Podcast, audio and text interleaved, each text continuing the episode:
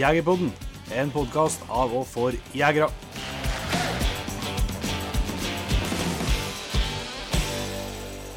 Hjertelig velkommen til en eh, helt ny episode av Jegerpodden. Eh, Dagens episode er et, eh, et tema som heldigvis ikke er aktuelt hver dag, men dessverre er aktuelt innimellom. da, Enten det er jakt eller, eller trafikk, nemlig ettersøk. Ja. Og vi har fått med oss Magne Klokseth. Han er jo stått på blokka vår lenge. Ja, jeg vil tippe at det er en av, eh, en av de mest erfarne ettersøksjegerne i, i Norges land, gitt. Ja. Holdt på i, i masse masse år og, og vært en sentral figur til og med i utformelser av uh, forskjellige lovverk og sånt. Og når det her her ble, eh, ble et krav om i 94, eller hva det var. Mm. Så det mm, kan ikke noe se fram imot. Men eh, vi må vel eh, tradisjon tro eh, oppsummere litt dagene som har gått siden, siden sist vi var på luften. da. Det har jo vært noen spesielle dager da, i og med at elgjakta hjemme har starta. Så må vi jo høre litt om det har vært noe action. da. Du kan, du kan få starte, Jon Inge. Nei, jeg syns du skal få starte, for at jeg legger merke til et sånt stikkord du har sendt til meg før vi starter på her. Mm. At det står 'elgjakthelvete'. Ja, men det er noe Det er noe Får du ikke til elgjakta? Dette går du og gleder deg på hele året. Ja. Det er nå bare sorgen, sånn som det bruker å være. Så, nei da, vi har da fått i Det har vært noen bra dager for laget eh, med både en kalv og en liten okse. Men eh, for meg er det noe det som skjer med hundene som teller. Det er jo ikke har ikke vært i all verden. Hundene funker vel for så vidt, men finner finner ikke elgen der den skulle ha vært, og litt sånn. Så det springer og Vi bærer rot. Så det er tomt. Jeg kan uh, trøste deg med at uh, det ikke har vært noe mye los til, til oss heller. Det, vi har funnet bra brukbart med elg, men uh, det står, står dårlig, og elgen står jækla høyt. Mm. Den står liksom oppi, oppi fjellet og helt oppi ja, delvis ovom, ovom fjell, fjellbjørka og rypkjerra nå, så det er utgangspunktet for Stålos i sist, i siste uka i september er vel ikke all verden, og det hjelper vel ikke på at de står såpass, såpass høyt heller, da. Nei da. Men uh, du har nå skutt en elg, i hvert fall. da. Det er noe mer enn jeg kan skryte på meg. Ja, det, Nå har ikke vi vunnet og snakka i lag uh, før i uh, det her uh, innspillinga heller, så for at uh, i mitt hode, jo, sin gode venn Jon Inge Vik, så har du et forklaringsproblem med elgen du har skutt i. har jeg det? Ja, jeg kan jo ikke helt, har ikke vi et helt kobbel med hunder? Jo, Vi skal prøve å skjøte elg før. jo, vi har det. Vi har det. Og er det sånn at du ikke har skutt i større enn tispiring før i ditt liv? Jo, jeg har det, jo. Ja, var det sånn, var det sånn situasjon, var litt sånn stressa, så det gikk fort, så det var lite tid å tenke deg om, så at du bare måtte den? Ja, nå skal du høre. Nei, nei, nei, nei du har du har sendt snap på elgen hele formiddagen. Nei, for jeg, jeg, jeg, det, det var tre stykker på, på jakt, og så fikk jeg se elgen oppe i fjellet. Mm. Og så eh, Ja, to andre skjøt større okse enn tispir før dem? eller? Nei, men de, de fikk tilbudet, sjø. Mhm. Men det var noe som var nærmest, da. Men hva, hvorfor var du ikke sluppet likene på, da? For han for med annen elg. Ja. Så han eh, det var, det var noe Han gikk noe bra i dag, syns jeg. Han gjorde noen fine runder, og, og det var liksom planen. Men så satt jeg og kikka på elgen, og da var Larkan oppe med meg. Og så tok han ned kikkerten, og da var Larkan borte. Så da har han fått været til en annen elg som han tok ut og, og for å jaga på. Så da ble det noe Nei, eh, vi fant ut at vi måtte, vi måtte prøve på inn ja, for at eh, vi har det der, ved tredje året vi har det terrenget, og det er nå faktisk bare den oksen til en Svein vi har skutt i. Ja, men vi har hatt mange eh, fine okser her. Ja, jeg aner en viss sånn bitterhet. eh, med det. nei, nei, altså Jeg, jeg hadde blitt kjempeglad øh, hvis det var noe Men jeg, bare nei, vi, må jo, vi har jo på kvota, og alle må få skjøtt. Men øh, jeg er ganske sikker på for min egen at jeg ikke skutt i øh, en tispiring der 28.9. når det ikke var noe hund. Da, nei. Nei, eh, det ble Jeg hadde egentlig gitt opp, vet du, for jeg, jeg gikk jo og lokka på den, og det blåste i helvete oppe i fjellet.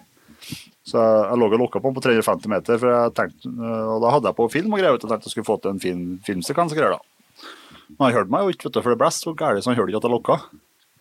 Så måtte jeg gå enda nærmere, og inn på 200. eh, Og la meg til igjen og begynte å lokke. Da kom jeg, men da lå jeg så fryktelig ugunstig til med vind.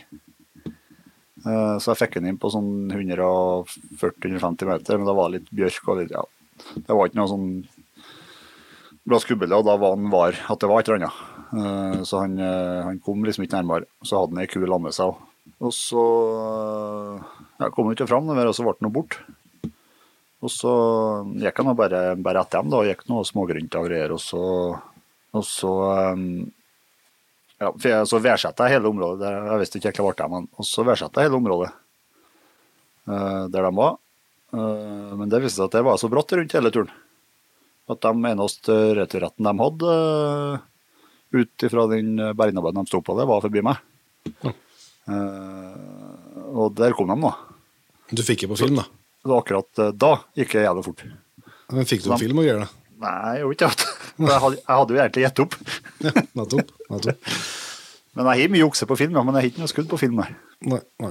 Så nei, jeg kjente det. Jeg trekte av, og så Jeg trekte av. øh, Oksen sto så fint oppå en fjellnabb der, og så heiv han seg nedover det verst brattehula du finner.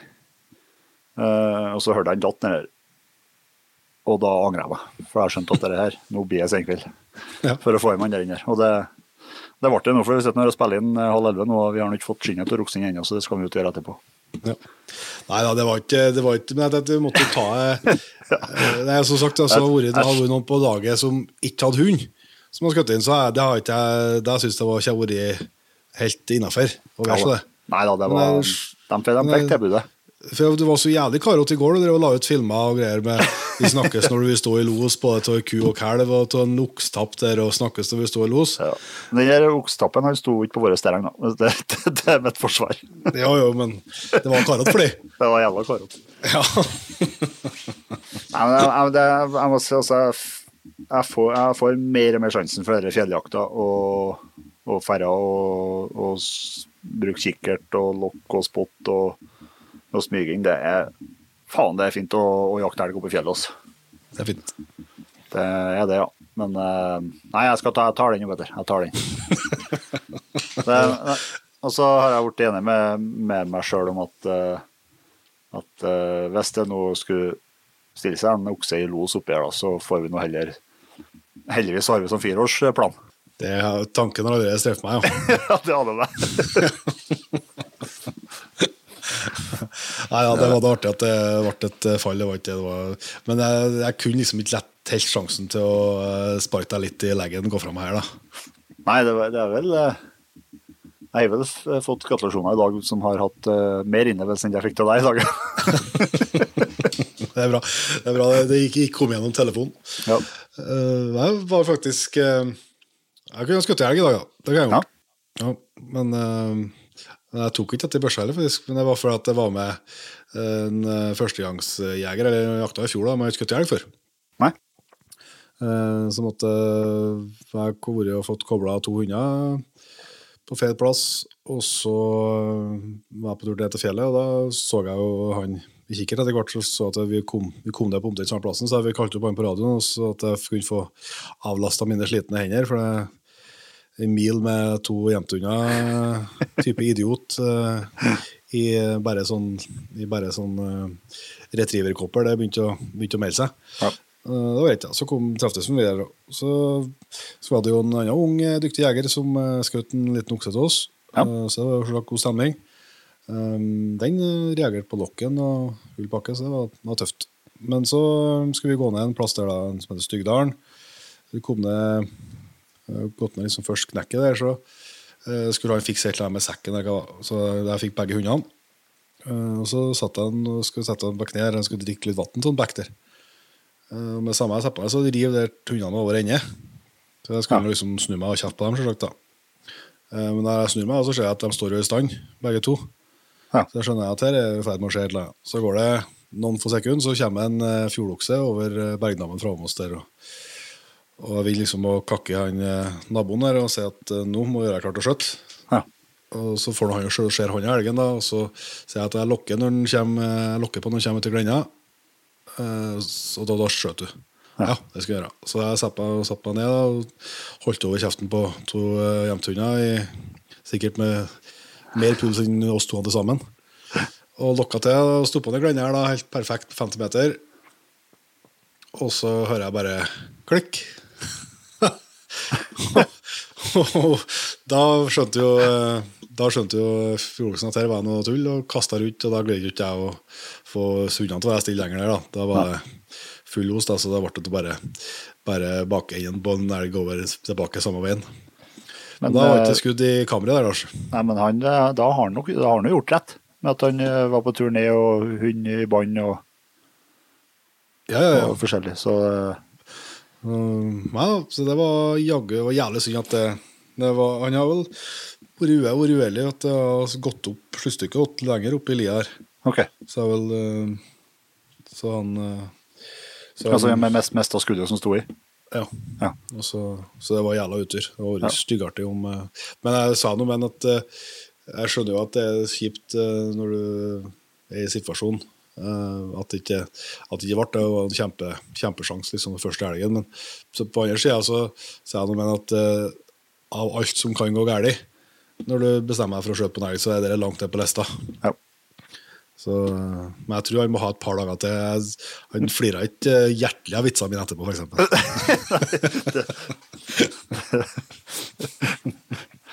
Det, du, må, du må passe på her når det er sånn førstegangslærer. Da må du være litt sånn ydmyk. Ja, jeg var, jeg var forståelsesfull. Du, var, du var det i tre minutter? ja, først tre-fire minutter så var jeg ganske på lag, ja. Så, nei, men det, det, er jo sånn, det er jo sånn som skjer. Ja, ja. Det er jo liksom, og som sagt, det er jo helt ufarlig. Ja. Du kunne jo være uheldig på helt andre måter, eh, som er langt mer trassig trasig å, å eh, ha med seg videre i jegerlivet til en klikket. ja, det er så.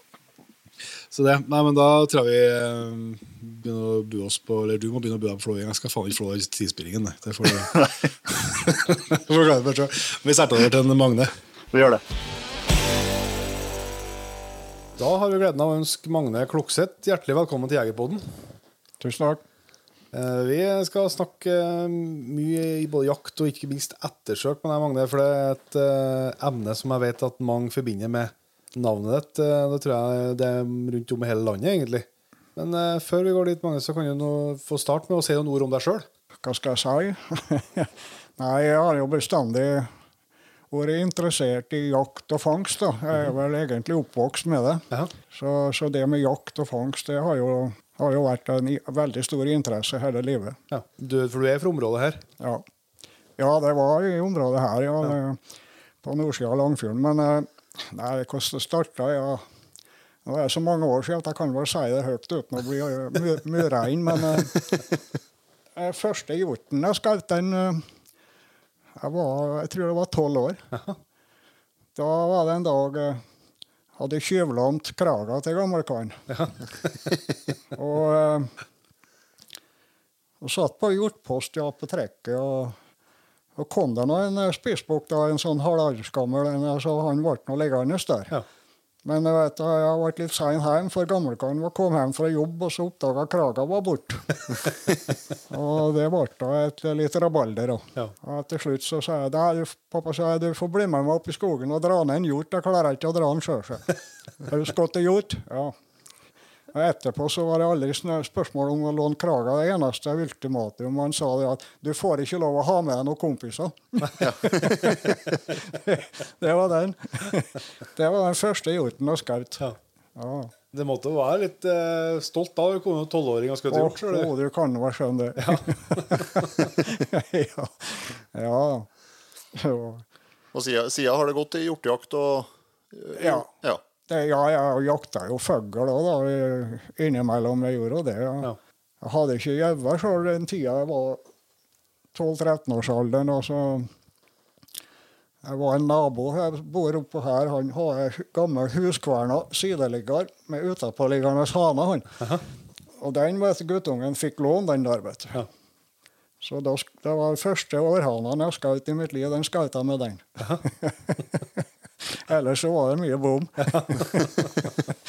Når eh, begynte det her med med hunder og interesse for jakthunder? Er det? Du vet, ja, hva tid var det jeg begynte? da? Var vel, det var nå vel i 74 jeg begynte med å lære opp den der strihara dagsen eh, eh, til, til sporing. da.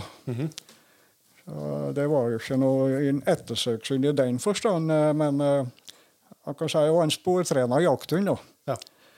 Så det er jo Ja, for 74 da, var ikke noe som heter krav til ettersøk? Nei, nei, helst, nei, nei, nei. Men så begynte jeg å lære han opp i sporing òg. Den der dagskrabaten, han var veldig Han, han, han spora veldig bra, så. Aha. Gjorde det, og, og, men du vet, han var jo av en sånn art, art at i og med at jeg hadde brukt den til drevjakt òg, så, så var han ikke helt stille. Det var full rulle med los, det, vet du. Ja. Så slik sett så det Jeg har nå ikke hatt så forferdelig mange forskjellige hunder. da. Jeg, begynte jo med Bayer eh, da i slutten på 80-tallet. Ja. Og siden har jeg jo holdt meg til den eh, rasen når det gjelder ettersøk. Ellers så har jeg nå hatt, som jeg nevnte, en jevnthund. Ja. Så jeg har brukt da Det var som bannhund på elgjakta, og det var vel ikke så helt eh, behagelig, det heller. For jenten, jenten var jo stor og tung. ja. Men du måtte være ganske tidlig ut eh, her til lands med å skaffe deg bayersk uh, viltsporhund, ja. ja, det var ikke så mange Det var ikke så mange den tida, nei. Det var en Alf Terkelsen. Han bodde nede i Risør. Det var egentlig han som starta det her med, med Bayer i Norge. For eh, han skrev jo rundt da, til alle som han klarte å finne ut hadde bayerske viltforhunder, og, og snakk om å lage en raseklubb. Ja. Og resultatet var jo at eh, Ja, hva årstall var det, da? Eh, 94, eller først på 90-tallet, ja. Da kalte han sammen eh, til et møte i lokalene til Norsk Kennelklubb. ja. Og der var det at den der Sveitsenklubben var stifta da. Ja. Der møtte nå vel opp en håndfull personer, tror jeg. Ja. Ja. Ja, for at, eh, det var i 1994 at det ble eh, krav om Ja. ettersøk på jakt. Så, Ja, så, ja. så jeg vil jo tro at årene fra det ble bestemt til det tredde i kraft, så måtte det jo skje ganske mye da, når det ikke var noe system for nå før. Ja, det skal jeg bare si at det var et rotterace uten like det. For ja. det var jo eh, Altså, direktoratet de engasjerte jo Norges Jeger- og Fiskerforbund og Norsk Kennelklubb til å så ta seg av det her, for det skulle jo utdannes en del spordommere, Ja. en del uh, kursinstruktører og, og diverse, så det, det var hektisk ja, framover. Ja. Ja. Men jeg var nå så heldig at jeg fikk være med fra starten av. Så Ja, ja. Men, eh, da, men tidlig der så var jeg I starten så var det nok at du hadde en hund på laget som ikke gått på prøve, enten en drevprøve eller på elgprøve. Ja, det var når det gjaldt uh, spisehundene og elghundene.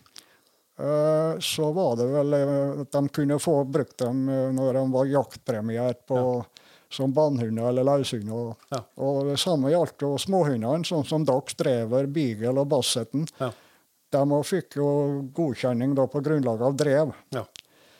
Og eh, personlig så var jeg motstander mot det systemet der, for eh, Problemet kan du si er jo, var og er fortsatt i dag, at en jakthund som er brukt f.eks.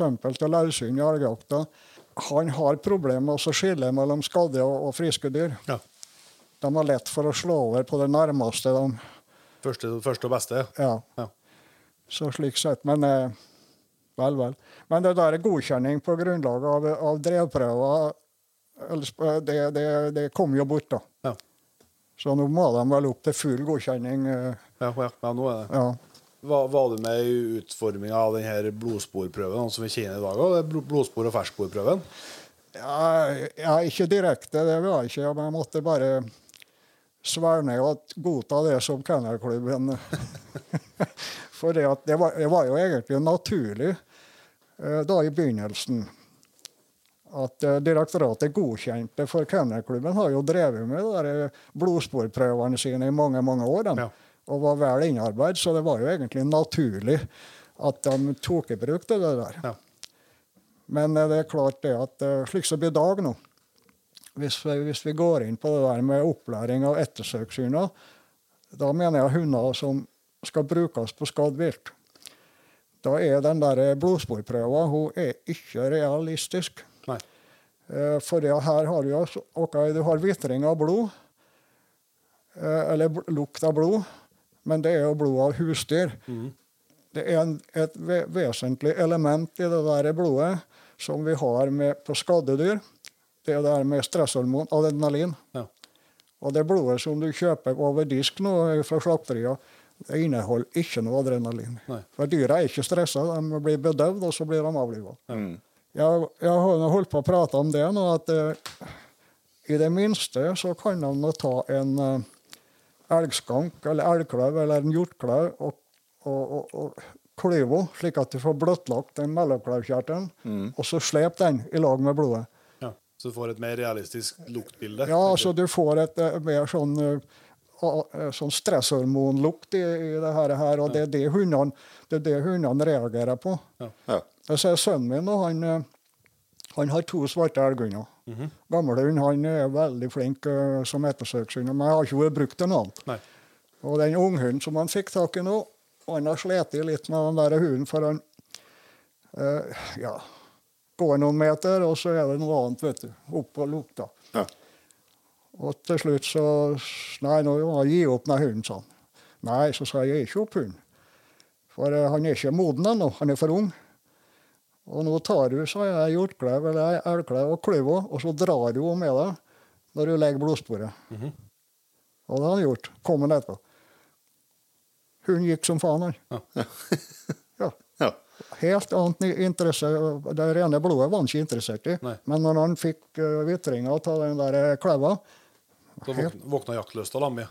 ja, så han ble mer fokusert på, på sporet. Så det, det er noe der, altså. Men eh, Ja, For det er jo litt sånn i, Vi har- vi har jo snakka med, snakket med en, ja, blant annet en svensk ettersøksjeger og en eh, Per Kristoffersson. og de, eh, de, eh, det er noe delvis, de flirer nå litt av det, det er blodsporprøven vår. ja, ja, ja. ja, ja. Jeg kan med oss ikke gjøre det. Jeg flere ofte.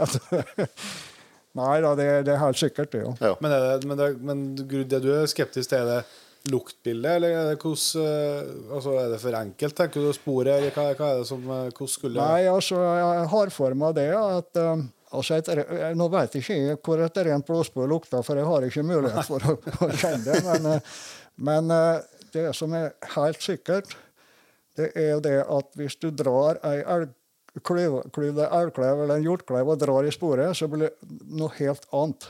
Jeg har nå brukt når jeg har vedlikeholdstrente hundene mine, så bruker jeg såkalte klauvsko. Ja. Sett inn ei, hjortklev i, i, i hver sko, og så, og så tar jeg kniven og så skjærer jeg opp den der mellomklevkjertelen. For den åpningen der han har tendens til å så snerke seg igjen. Ja. Så jeg bruker å skjære imellom med kniven. Ja. Helt noe annet. Helt noe annet.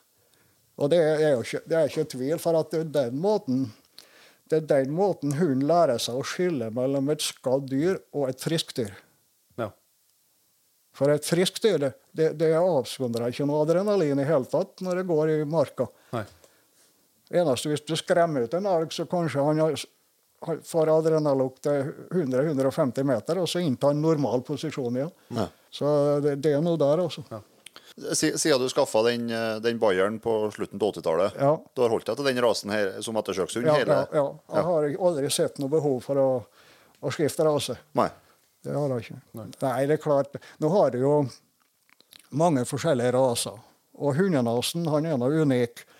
Men i og med at enkelte raser er avla for spesielle bruk, så har du en del handikap. Ja. Og nå har jeg vært stygg med elghundfolket, men jeg har sagt at Elgunn har absolutt et handikap i det at han har genetisk i seg så sterk overvarsbruk. Ja. Men det behøver ikke være noe dårlige ettersøkshunder hvis de er skikkelig og rett opplært. Nei.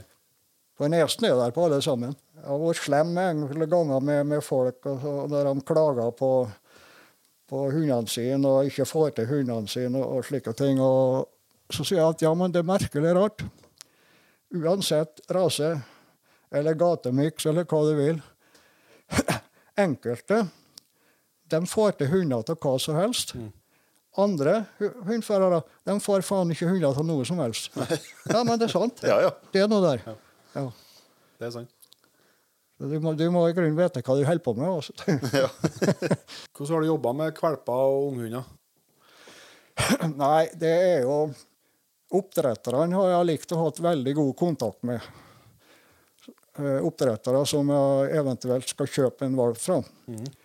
Og det er at eh, han lar ha en anledning et elgskinnbit eller et fersk elgskinn eller hjortskinn eller rådyrskinn.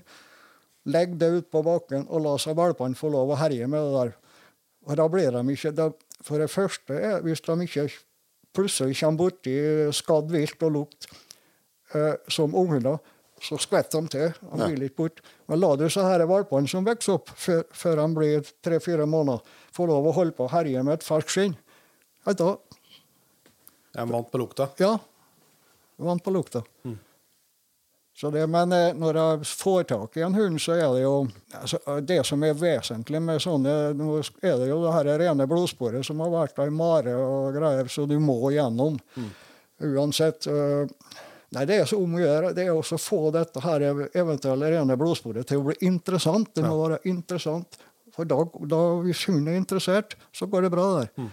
Men eh, jeg mener det, og det vil jeg fastholde, at den der rene blodsporet, det er, og for ikke å si fersksporet, det er katastrofe i ettersøkssammenheng. For her fører du hunden din på et, et blodspor som lukter et eller annet, men det finnes ikke stresshormon i det der lukta. Og det viser seg at det er, det er adrenalinet som gjør at hunden blir interessert og vekker. Og jeg har prøvd sjøl. Jeg har tatt eh, En gang jeg tok jeg en tre-fire liter med, med, med blod som jeg fikk tak i fra slakteriet. Og så hadde jeg tatt vare på det var vel en liter eller to med, med elgblod Aha. som jeg hadde i frysen. Og tok jeg blanda det der. Ble noe helt annet. Ja. Helt annet. Ja. Så jeg, det er ikke tvil i det der. Det det, er det der stresshormonlukta det der som gjør at hundene blir så fokusert. Og det er litt eh, ja, det er litt leit, for du kjøper du en valp nå, og så skal du begynne å trene opp den der eh, til, til, på rent blodspor. eh, For eventuelt å få den godkjent noen når den er ni måneder. Da mener jeg det uten, uten uh, verken viltlukt eller noen ting i det der blodet. Da har du kosta bort en tre-fire måneder av hundens beste læretid. På et rent blodspor, ja. Ja. ja. Og det samme, samme mener jeg er for ferskspor òg. Her eh, tar du hunden med, med deg ut i skogen, har med en dommer, kommer inn på et elgspor eller et hjortspor, og så skal hunden følge det. Og så ser jeg når jeg går bak som dommer på de ferskbordprøvene, plutselig så er hunden opp med hodet, spesielt til spisshunder.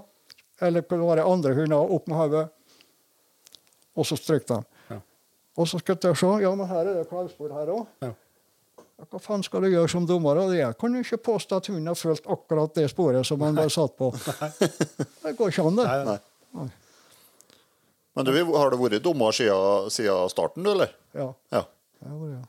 Så du, da har du, du har opplevd eh, du har opplevd noen ekvipasjer ute i skogen, da? Åhå. Jeg har vel gått bak de mest tenkelige og utenkelige rasene. ja, men det er takknemlig for det, for jeg var verden hvor mye jeg har lært. Ja. Eh, Ikke minst med det å lese hund, også de forskjellige raser sine spormønster. Ja. Det er jo så forskjellig som bare det, vet du. Ja. Kan ta Dagsen og Han lever jo stort sett under tarva sjøl. Altså, han, han er jo så spånøye. Ja. Han har jo ikke så mye valg her, da. Nei, jeg har ikke noe valp. og, og så kan du ta ja, det, hunder som er mye på sporprøver. Det er stort sett damer som går med dem. da, og dem som er interessert i det konkurransesporing. Og, Ja. og de er flinke som faen. Men du kan ta labrador retrieveren. Han har det der kryssøket pendler. Ja. Og det samme har en engelske springerspaniel. Ja. Pendler. ja. Altså, det går ikke an om en hund er fire-fem meter ut av sporet. La han få lov å gå. Ja. Det går ikke an å begynne å gripe inn i eh, hundejævelen sitt arbeid om han er tre-fire meter fra et spor. Nei. For han kommer innpå, ja. Så det, men det, det, det det der med sporingsmønster og det, og det som jeg har lært meg når jeg har gått som dommer nå i så mange år, at eh, ja, elghundene sporer på sin måte. Noen ganger så sporer de på bakken, andre ganger på overvær. Og helt greit. Men hvis du ikke som dommer er klar over det der, Ja. så kan du gjøre hunden bjørnetjeneste. Ja. Jeg glemmer aldri et sporprøve jeg dømte ute på Mysundet.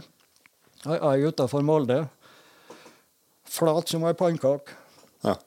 Og, og så var det planta sånn eh, Planta sånn uh, sikagran. Ja. Og leplantinga, vet du. Jeg husker det var en fra Molde med en schæfer. Var ferskbord på rådyr. Og det var så mye rådyr utpå, så vi skremte den der rådyrbukken på morgenen, og så skulle den gå der. Ja. Og du vet, det barst inn i den første sikagranplantinga som var der, vet du. Og jeg hørte det var en del gloser og forskjellig ordbruk ja, inni der. Og kom ut på andre sida. Da var gubben omtrent kleløs og bare blodet. Ja. Og stekte seg på de stive ja, vet. Ja. Og så var det ei dame fra Molde som skulle gå med en dags. Og, men hun tror jeg har vært borti det der før. For når hun kom inn i lepland, så la hun seg ned og krøp, og det gjorde jeg som dommer òg. For da kom under så stive kvistene. Ja. det er mye rare historier. Så, men, så du mener altså at den her eh, ferskspor Den kunne ha vært altså For en ettersøks, eh, som ettersøkstrening, så er ikke er ikke optimalt? Nei, altså det her fører det jo, her fører det jo hunden din på, på mer eller mindre ferske spor av frisk vilt. Ja. Og ja, ifølge min lærdom fra kontinentet, Tyskland og Østerrike, så er det bannlyst. Ja. Det der. Ja. Den En ettersøkshund skal ikke være interessert i, i Nei, vilt. nei. Han skal ikke det. Nei. Men det er klart det at når de har kombinasjonsbruk av ettersøkshunder, og de bruker dem jakt Jeg er fullstendig klar over at alle kan ikke ha én hund til ettersøk, én hund til jakt og slike ting. Nei. Det har noe med familiære forhold og alt mulig rart. ikke sant? Det, det er jeg fullstendig klar over. Ja. Men i hvert fall eh, de som eh, eh, har interesse av å drive ettersøk som, som profesjonelle ettersøksjegere, de bør ta konsekvensen av det. Ja. Altså en, en som, hund som de skal bruke til ettersøk av skadd vilt, han skal du ikke bruke som løshund på elgjakta. Så enkelt er det bare. For det, det, det er jo hele det er jo egentlig hele systemet som er, som er, som er bygd opp feil Ja, ja. ja da, det er klart det. Men så sier jeg det at eh, trass i flere hundre års erfaringer fra kontinentet, så er det jo merkelig med Norge. da, De skal jo finne opp kruttet på nytt. Ja. Ja, men det, det er sant. Ja. Det er ikke, om det er 100-200 års erfaring med, med sånne ting fra Tyskland, Østerrike, Polen Nei. Det tar, skal vi ta her skal vi finne på sjøl. Ja. Ja. Ja, for du har, du har vært en del nedover, til Tyskland og Østerrike og forskjellig på Jeg har vært veldig mange ganger på det internasjonale Sveitserforbundet. Ja. Ja. Annethvert år. Da var det samling eh, ja, to-tre ganger. Jeg var i Tyskland, tror jeg. En gang i Østerrike, en gang i Ungarn. Og så var jeg vel en gang i Polen. På. Ja, en gang i Frankrike. Ja. Det var ettersøkt en hovedprøve da, de hadde i forbindelse med samlingene. Det var jo på reelle skårskytinger. Ja. De hadde jo store selskapsjakter vet du, Ja. dagen før. Det er ikke rart de får til gode hunder. vet du. Men når er du har eh, når, eh, Unghundene dine, da, når er du liksom har introdusert dem for sporarbeid? Når er du begynt å liksom ha spora med dem? Nei, det var noe, som sagt, så trena jeg opp med Dagsen da, i 74, og det var da ikke så mye trafikk den gangen, så var det jo sjelden at, eh, at jeg fikk noe Det var som regel lensmannen som kontakta meg da, Ja. når det var noe påkjørsel og slik. Og, så det var, det var ikke så mye den tida der. Jeg fikk nå ikke brukt hunden spesielt mye, men eh, også når det gjaldt private jegere, da, så så satt det langt inn det der, vet du, å innrømme det at du har vært uheldig med et skudd. Ja. Det var liksom sånn hysj-hysj helt til kraka fant dyret en par dager etterpå. ja. Men det løsna etter hvert. så når, når de først det begynte å spørs da, vet du, kommunen rundt ja, en klokse, han har sporhund, ja, må høre med han, ja. Og så det begynte å løsne. da. Det ble Ja. noe mer og mer og mer. og mer. Så det var nå en periode at eh, ja, 80, nede på 90, slutten på 80, 90-tallet, 94 og utover, da hadde jeg vel følelse av at jeg hadde ettersøk på heltid. Ja. For jeg var den eneste som hadde godkjent hund. vet du. i- Ja, både Molde, Nesset, Sunndalen og på Tingvoll. Ja. Så det var at du kjørte, du kjørte jo nesten i halv. Nei da. Men det er jo takket være det så fikk jeg nå til veldig bra ettersøkshunder. da. Ja. Det gjorde jeg. Ja. Det er jo det som er at skal, skal, skal du få til en bra, en bra ettersøkshund, så må du ha mange, mange tilfeller. Ja, det er helt klart. Og det er derfor jeg sier det at eh, i hvert fall når det gjelder kommunene og det offentlige her, så skulle de ha knytta til seg en tre-fire profesjonelle ettersøksjegere som virkelig kom i arbeid. For å, å ha 20-30, En kommune har 20-30 hunder innført i et ettersøksregister som aldri kommer i arbeid. Du, får ikke ettersøkshunder og sånt. Etter. Nei. Nei. Så det, det er bare slik. Men eh, tenk på det når du holder på med å trene når du trener unghunder og valper. Når er det du begynner å spore med dem? Hvor gamle er de da? Jeg begynner så snart en har fått den i hus. Ja. Valpen og blitt husvant. Mm. det var nå siste valpen jeg fikk tak i, og bodde på Stjørdal. Bayern, og han har vært hjemme en to-tre dager da, og begynt å bli husvarm og greier. og Så, så la jeg et spor, eh, og så hadde jeg ei kløva elgkløv eh, rundt carporten bare. og så borti hekken hos naboen. Ja, han henta den valpen. Han var han løs, da. Og for der og rota, vet du. Og så kom fram til kløva, og da vet du, var julekvelden. vet du. Ja. Så var det flere kvelder etterpå. Jeg har glemt av det sporet òg. Jeg var ute av luftene på plena der. Da fikk jeg pinadø se hundejævelen. vet du, Han spora som faen rundt karporten. og, oppi der som, Men du vet, han fant ikke noe godbit, vet så jeg måtte nå prøve å improvisere så godt jeg kunne. ja. Nei, det, det, er litt, eh, det er litt leit det der at du ikke får begynne å, å, å sportrene skikkelig fra dag én. Altså, for eh, når en skal gå på vanlig eh, luktesløse kublåer i ni måneder, vet du, før du kan begynne å ettersøkstrene den skikkelig. For de er jo redd vet du, å begynne å bruke klauve og styre og stelle nå for at de får den godkjent. For det viser seg at hvis de først har begynt å gå på elgklauv, ja, og de plutselig kommer på godkjenningsspor, og så er det ikke noe, Nei. Da ble de aldeles forvila. vet du. Ja. Den eh, første jevntunden jeg hadde, så der starta jeg på å skulle gå blodspor og, og la ut og blodspor bare med blod. Ja. Og trena og trena. Men hun ble bare dårligere og dårligere. og dårligere. Ja, ja, ja, ja. Jeg synes jo det, Vi kom jo som regel fram. Det er ikke, gikk jo det er ikke interessant. Nei, det var, det var helt Ja, typisk det der. Men så gikk jeg Jeg tror det gikk, jeg tror det gikk to år, jeg. Så fant jeg at jeg skulle prøve å legge et spor igjen. Blodspor igjen. da. Og da gikk den det. Og da meldte jeg bare på. Ja, ja. For da tenkte jeg at nå må jeg trene, må jeg trene mer på dette før jeg blir dårlig igjen. Men jeg var veldig interessert selvsagt, i elgspor. selvsagt. Det var han jo veldig Ja, ja, interessert i elg, men ikke i, ikke i bare det blodet. Nei, nei, nei. Nei, det skjønner jeg godt. Ja Men hvis du tenker på den her eh, den, eh, så Hvis du ikke, hvis du ikke tenker på det rene blodsporet der, da, men, så, men du har brukt mye sånn kløv, kløvsko. Ja. Ja. Ja. Det syns jeg er likest. Nei, altså Klausko, det er klart. Kennelklubben har vært kritisk på der. Nei, det var, var noe så kostbart så klausko. Det er bare tull, vet du. Egentlig, men det var kostbart og greier.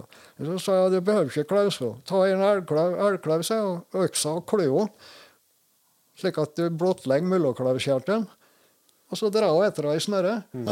Du får adrenalin og viltlukta der òg. Ja.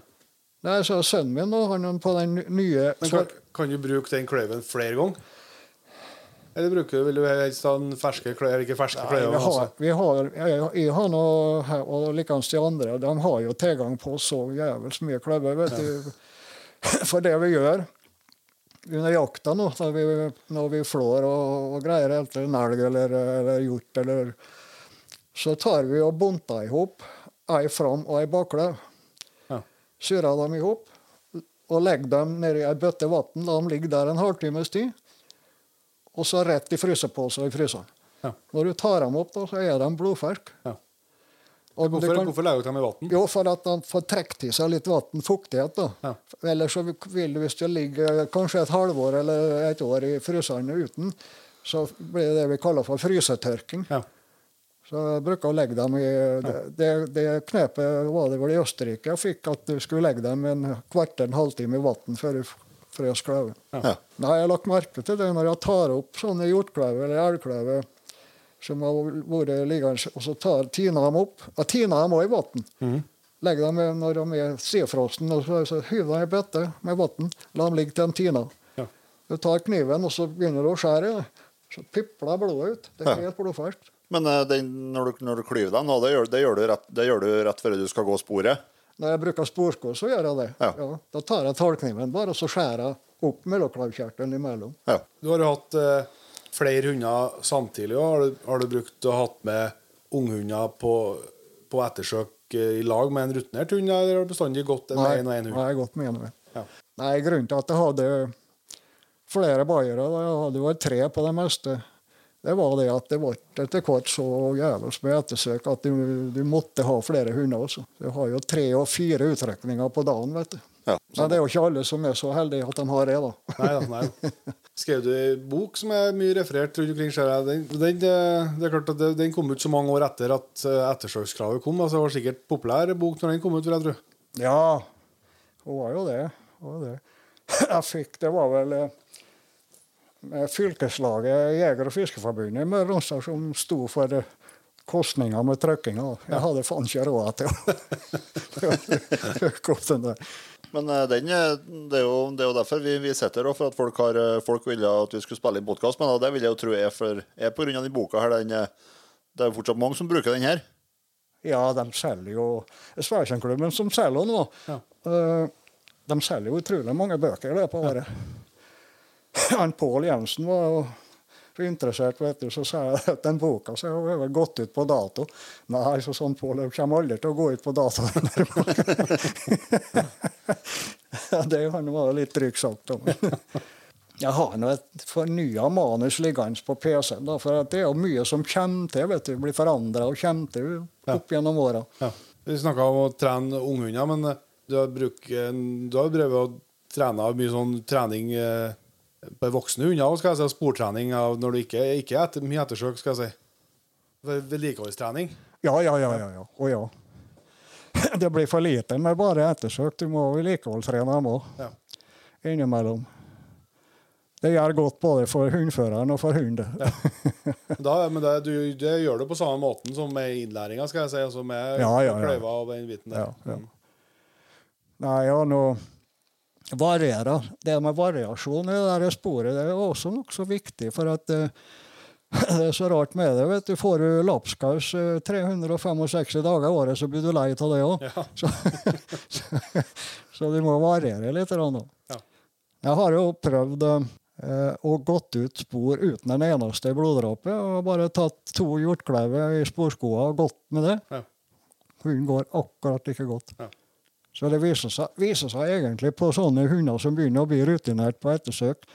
Det blodet det er det kan være et forsterkende objekt i sporet, men det er ikke vesentlig. Det er klausporene hunden går på. Ja. Det er helt tydelig. Ja, og så er det noe, det er noe veldig stor forskjell fra, fra skade til skade og hvor mye blod det er snakk om. Ja, ja, ja. Noen skader så er det nesten ikke blod, og noen er det veldig Nei, Nei, kan du ta trafikkskadd vilt, så er det jo sjelden det blod. vet du. De blør jo inn, dem. Hvis det ikke er at det er en fot som av, så beinpipen stikker ut. Men ellers er det veldig lite blod på trafikkskodd. Ja. Nei, det, det er helt tydelig det der at, eh, at det er, det er klauavtrykka hunden går på, ikke, ikke noe særlig på blodet. Du nevner Sveitsundklubben. uh, Sveidsundklubben. eh, ofte er det, er det en klubb som, eh, som omfavner flere forskjellige raser? Nei, nå har de eh, Nå har de Bayern og Hanne Franen. Ja. Eh, tidligere her så var den alpine dagsbrakken eh, inn der òg, men eh, det ble et altfor stort uromoment i klubben. For at det ble aldri noe enighet om hvem som skulle ha ansvar for, for dagsbrakken og i forhold til Bayern. og Det ble noe krangling, vet du. ja, ja.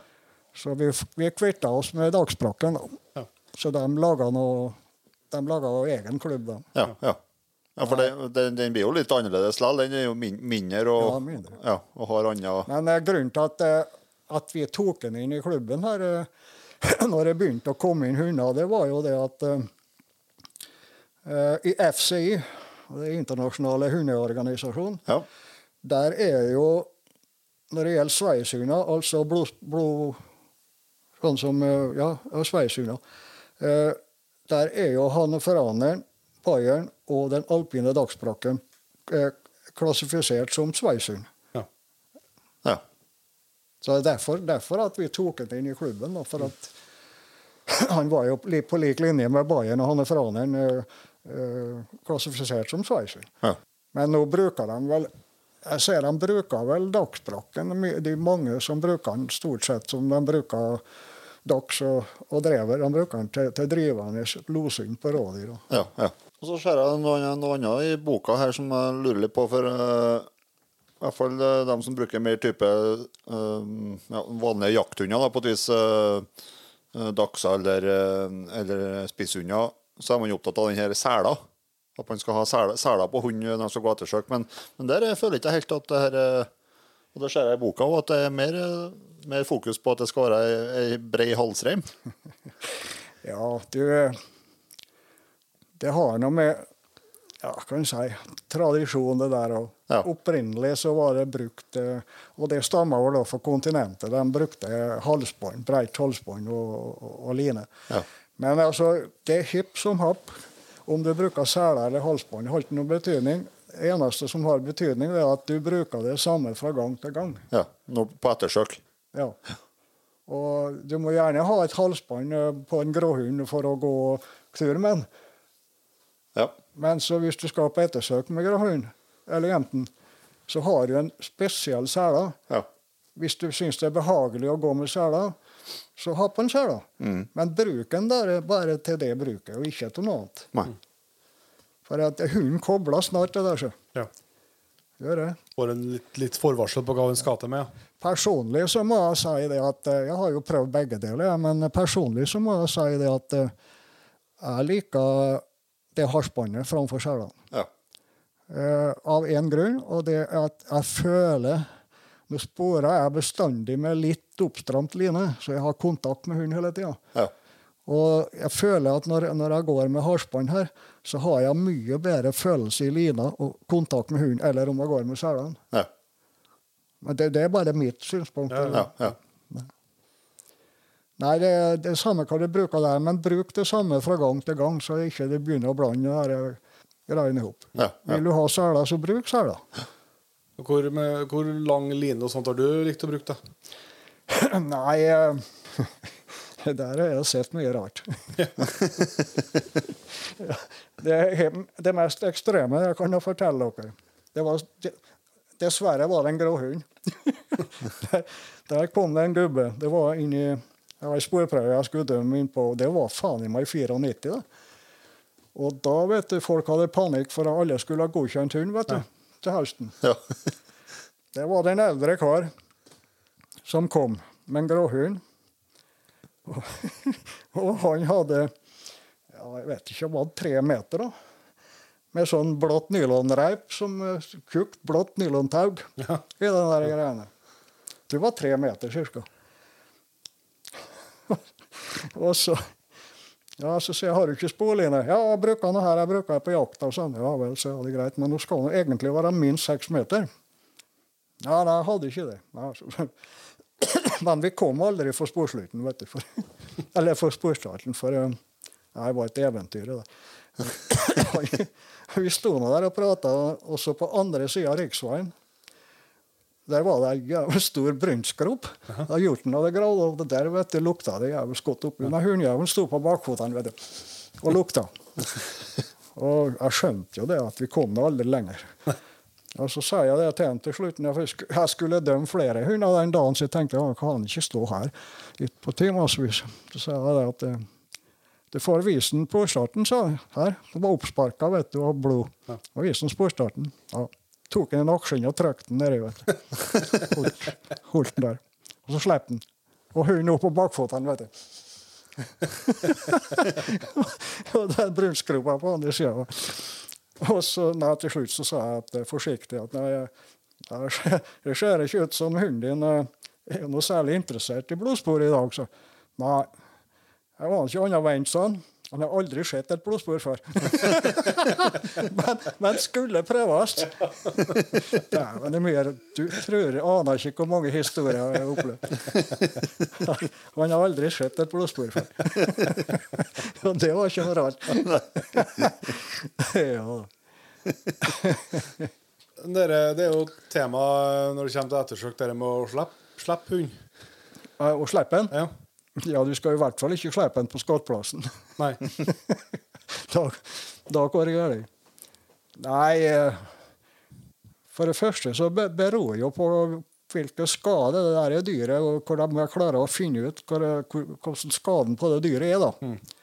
Og så har du spørsmål om hvor lenge er det siden det var påskutt. det. Var jo noe med her. Og, men eh, hvis jeg f.eks. finner ut at eh, at det er en, eh, en fot, framfot f.eks., som er avskutt, så, og det har gått kanskje en tre timer, så bruker jeg å spore på den elgen eller den hjorten helt til jeg får kontakt med dyret. Og hvis jeg ikke klarer å få inn et skudd på det, så slipper jeg hunden. Ja. Da slipper jeg han i det sporet som Og da Ja, det har vært både suksess og, og, og katastrofe på de der sleipa der. Når det gjelder elg, voksen elg, og det er gått en, eh, kanskje en to-tre timer, og så har du mulighet for å få den, og det er vokse dyr, så, så har du mulighet for å få den der eh, elgen til å stå. Mm. ståløs. Kalver og ungdyr har ikke så lyst til å stå for hund av elg, men, eh, mens voksne dyr F.eks. med ja, Det kan være avskotten framfot.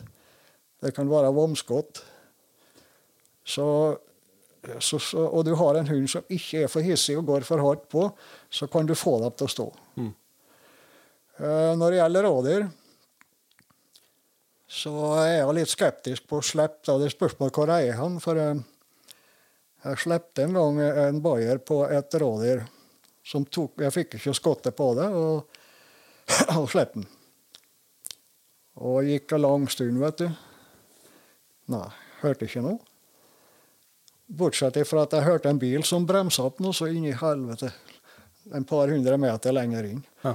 Kom inn der, vet du. Da fant jeg hunden bredd utover asfalten. Oi. Og resta opp i grøfta. Og en trailer som hadde Radieret hadde berga seg, det hadde kommet seg over veien, men hundejævelen han ble igjen under traileren. Så det var en katastrofe. Ja. Så det spørs hvor, hvor du er hen når du skal slippe. Det var nå en eh, jurist på direktoratet som vi diskuterte mye av det her med, med å slippe. For det var ikke helt stuerent, forstår jeg, på Nei. direktoratet det der med å slippe. Nei. Ja, for slipp for at de skal ta, Ja, rive ja. ned sjøl, ja. Ja. ja.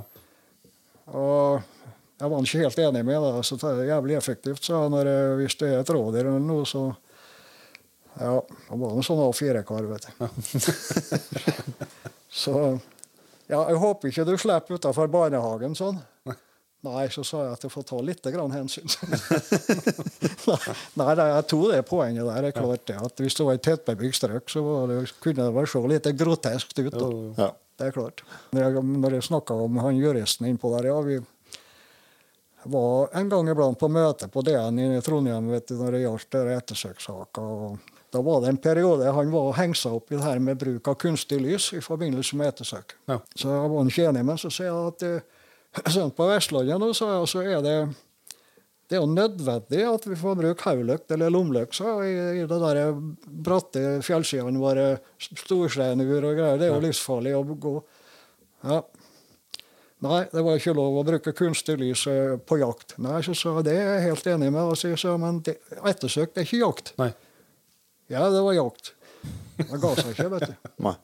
Nei, så sa jeg det til henne at Ja, for eksempel nå sa jeg det en, en kveld, eller det mørkna, og jeg får beskjed om at det var påskutt en hjort. Ja. ja, så spora jeg innpå den der hjorten så, med hodelykta mi. Og så ser jeg det lyset i øynene framme her. Han ligger der, så, men han, så, han kommer seg ikke opp. Kan jeg avlive en i lyset fra hodelykta? Nei. Det kunne jeg ikke, nei. Nei. Ja, hva skal jeg gjøre? Du kan slukke lykta og gå hjem, sa han, og så kan du ta den igjen om morgenen. Ja vel, så Det var paragraf 19 i viltloven, altså. Human jakt. Ja. Ble ikke mer. Nei, det er nå å sette på spissen. Det der, Jo, jo, jo. Men det, det er jo et bilde på at det er ikke bestandig at uh, forståelsen og rollen eh, matcher. Men det ble nå endelig til slutt tillatelse til Ja. å bruke kunstig lys. Ja. Men det er jo helt utrolig at en hele tatt skal trenge å holde på med en sånn sak. Ja. At det ikke er en selvfølge. Ja, ja, ja. Nei, men han har hengt seg opp i det. da, vet du, han Jørgensen, at det, I jaktloven så sto det at det var forbudt å bruke kunstig lys, bortsett fra åtejakt på rev. Ja. Ja. Når, når lyset var fast anbrakt på vegg, sto det. Ja.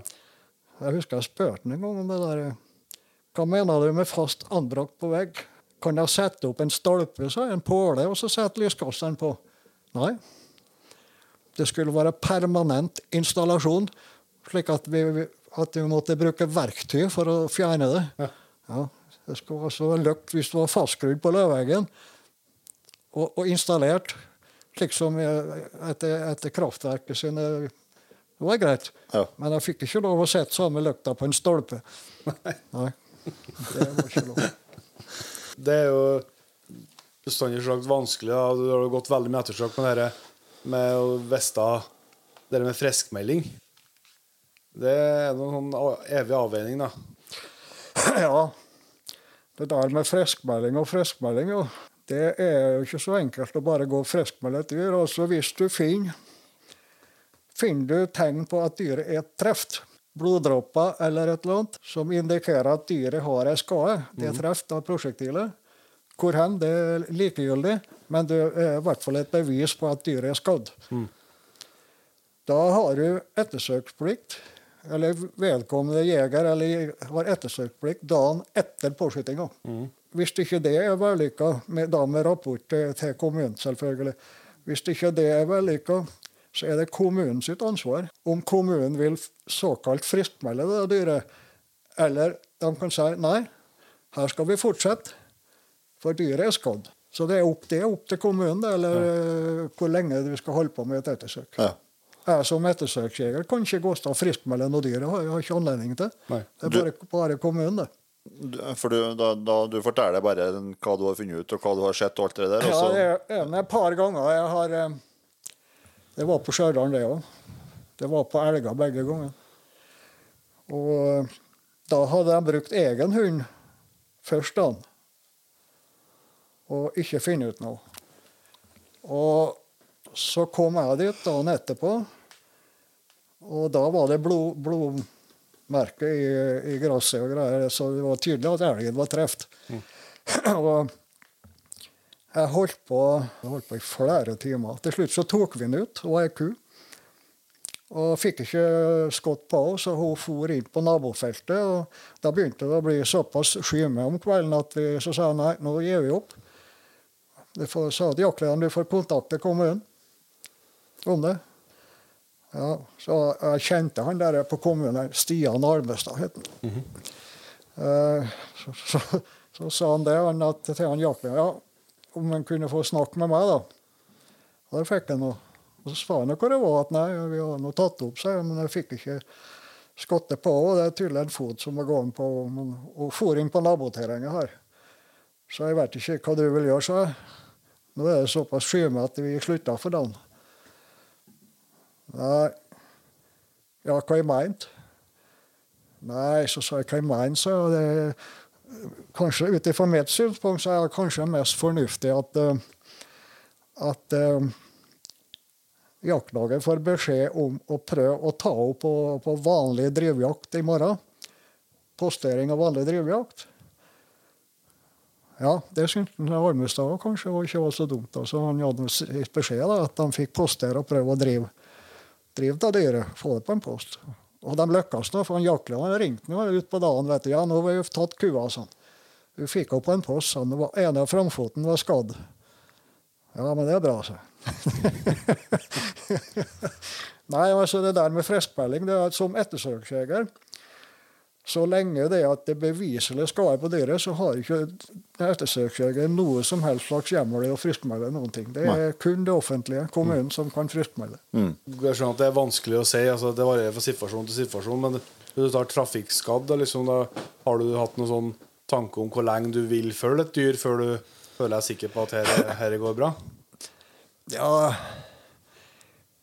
Det er spørsmål da på, på hvor skade det er, selvfølgelig. Men eh, hvis det er innvendig skade på dyret, og som regel er på rådyra i hvert fall, og oppe på hjorten, så finner du ikke blod, vet du. De, de blør inn. Ja.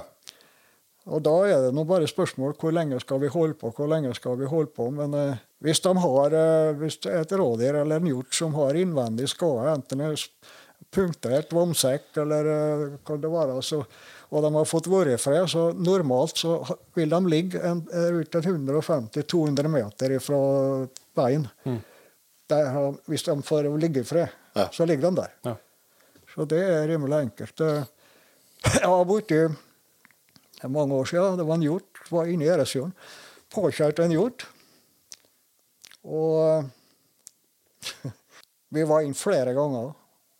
Og forbanna, vi klarte ikke å få livet av den, vet du. Var, framfot, nei, var bakfot. Så det var gøy å få av på. Og han gikk nå der og var på vårparten. Da ringte han, utmarkskonsulenten i kommunen her, og ringte meg og så sa han at jeg har fått beskjed om en hjort inni Øresjøra sa som går i lag med noen andre dyr oppå, oppå jarden ovom, ovom aldersheimen. Ja, jeg veit om han, sa jeg. Nå har han, han klara seg hele vinteren, så greier, så skal vi ikke bare la han gå nå til jakta begynner. Så får han ta han på jakta. Ja. Men du vet, de, går, de, de eldre inne på gamlehjemmet de ga ikke fred. De vet, oppe og ringte han der karen. Ringte ringte. Ja, så sa han at nei, nå får du pinadø fare inn og få livet av dyret, sånn, for jeg har, jeg har annet å gjøre enn å sitte og prate med gamle damer. ja, så for innover, da gikk det det var en 10-15 dyr som gikk ned på en jåle der. og og så var jeg litt usikker. Satt og kikka på dem, og så var jeg litt usikker på hva, om det var det dyret var der. Og, så tok jeg børsa, og så gikk jeg oppover imot dem. da. Så begynte de å trekke unna, vet du. Hjorten. Og så var det et som hang igjen. da, vet du. Ja, Han halta tydeligvis på bakfoten. da. Så jeg smelte nå på den da, og fikk den ned. Det her var noe det her var nå i slutten på mai. Så jeg vomma ut av døra og hadde jo faen meg et stort foster til seg. Så har hun vært bedekt vet du, Ja. på høsten etter at hun har vært påkjørt. Ja. Så sa jeg det til han eh, kommunen. at Faen, så jeg nå skal jeg ta to dyr. Hvor skal til to dyr? Ja. Så hun har et stort foster til det. Ja. Hadde gjort så jeg sa, så er det at hun får gått i jakta nå, så har hun i hvert fall kalver. Ja. Ja, de, de er jo helt utrolig hardføre.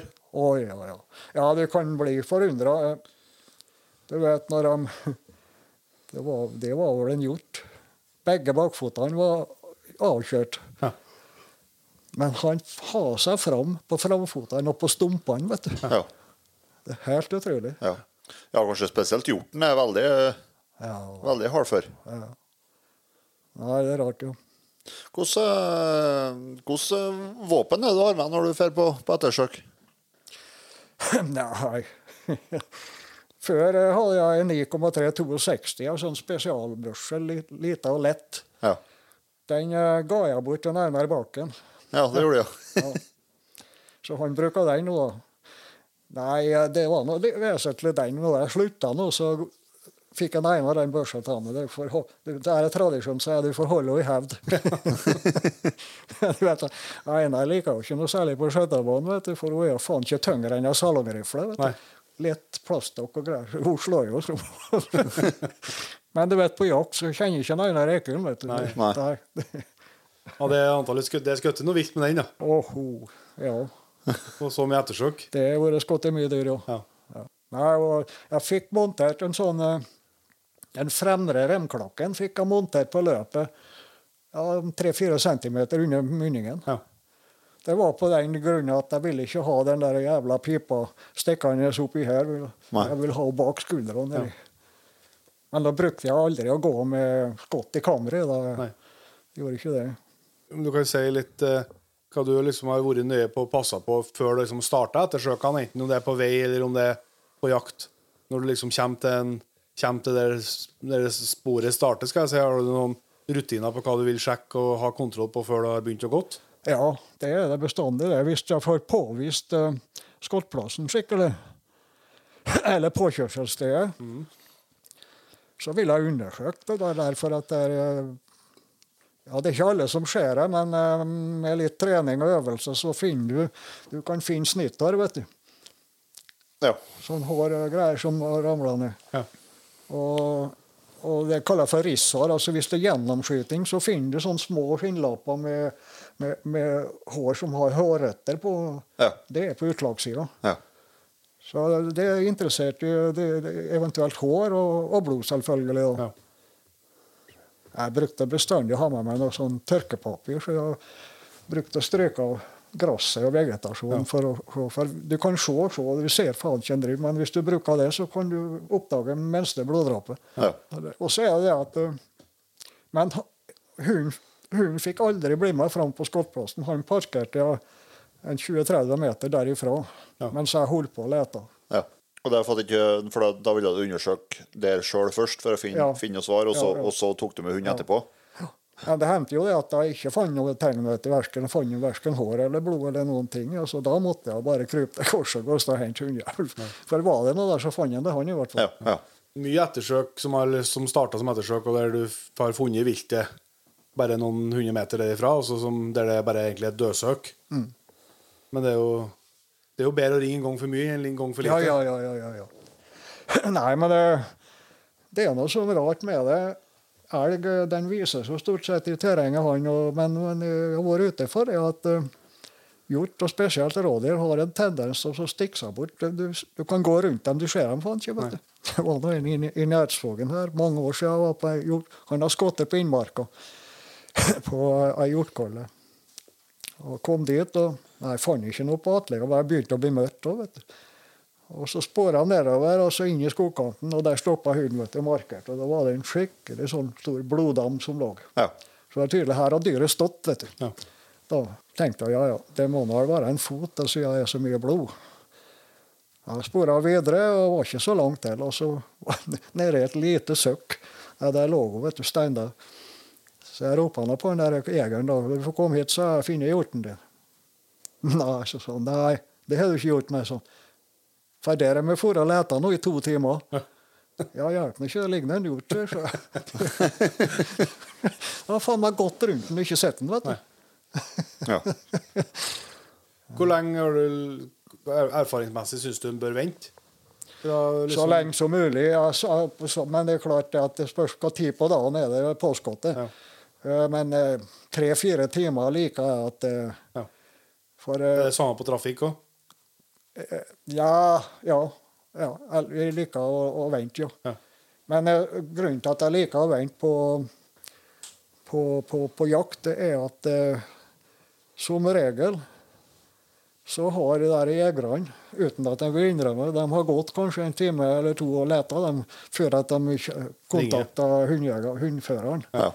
Og da har de selvfølgelig spredd både blod og spor, lagt spor i alle himmelretninger. Ja, for det er en, eh, det er en kjensgjerning dere at eh, jeg har tenkt på altså at um, hvis du ringer Hvis du skjøter på et dyr, og dyret springer bort, og du ikke finner eller du ikke ser at det detter, og så eh, ringer du til en ettersøksjeger, og han kommer og finner dyret etter 200 meter, Ja. da blir ikke ettersøksjegeren eh, sint. Det syns han bare er bra. Men hvis Ja. du fer og går manngal fram og tilbake Ja, ja, ja. i to timer, og så ringer du Ja. da, da både ødelegger du eh, for ettersøksjegeren, og du får en eh, få Selvfølgelig det. Ja. Det er jo det som er marerittet. vet du. Ja. Men, eh, men det er bare slik, altså. Jeg er fullstendig klar over det at når jeg kommer og sier jeg, har leita? Nei, nei, nei. nei. Ja, Du kan ta deg faen på, de lyver som faen. De har leita. de har leita, ja.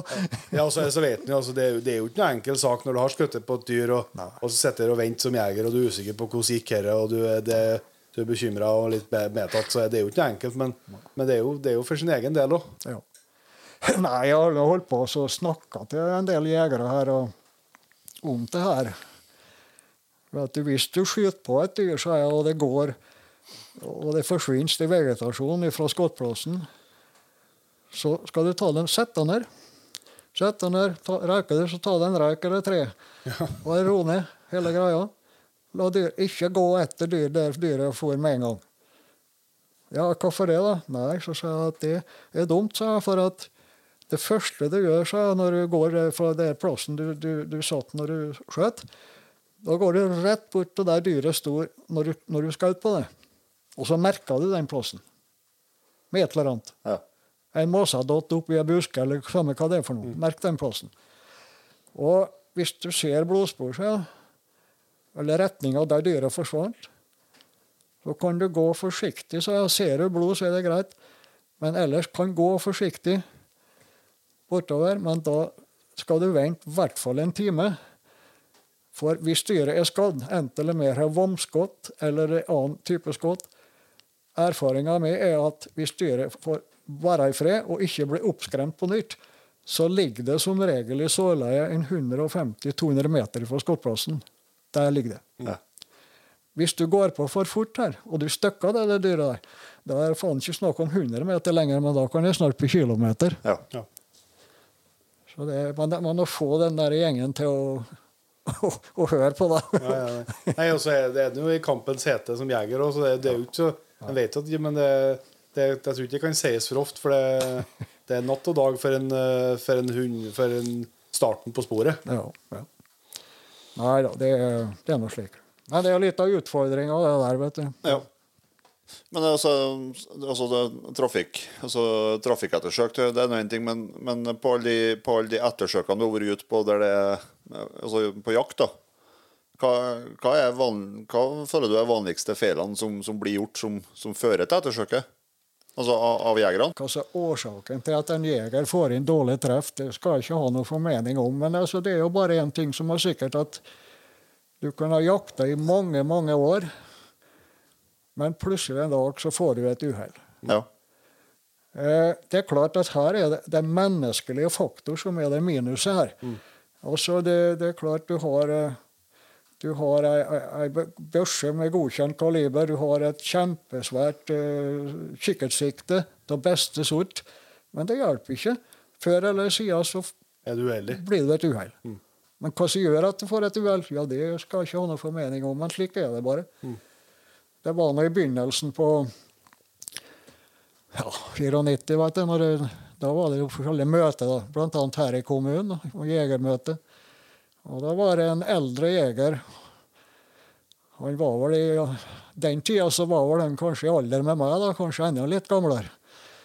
Og han har skutt opp gjennom åra. Han var kjent for å ha skutt mye hjort. Ja.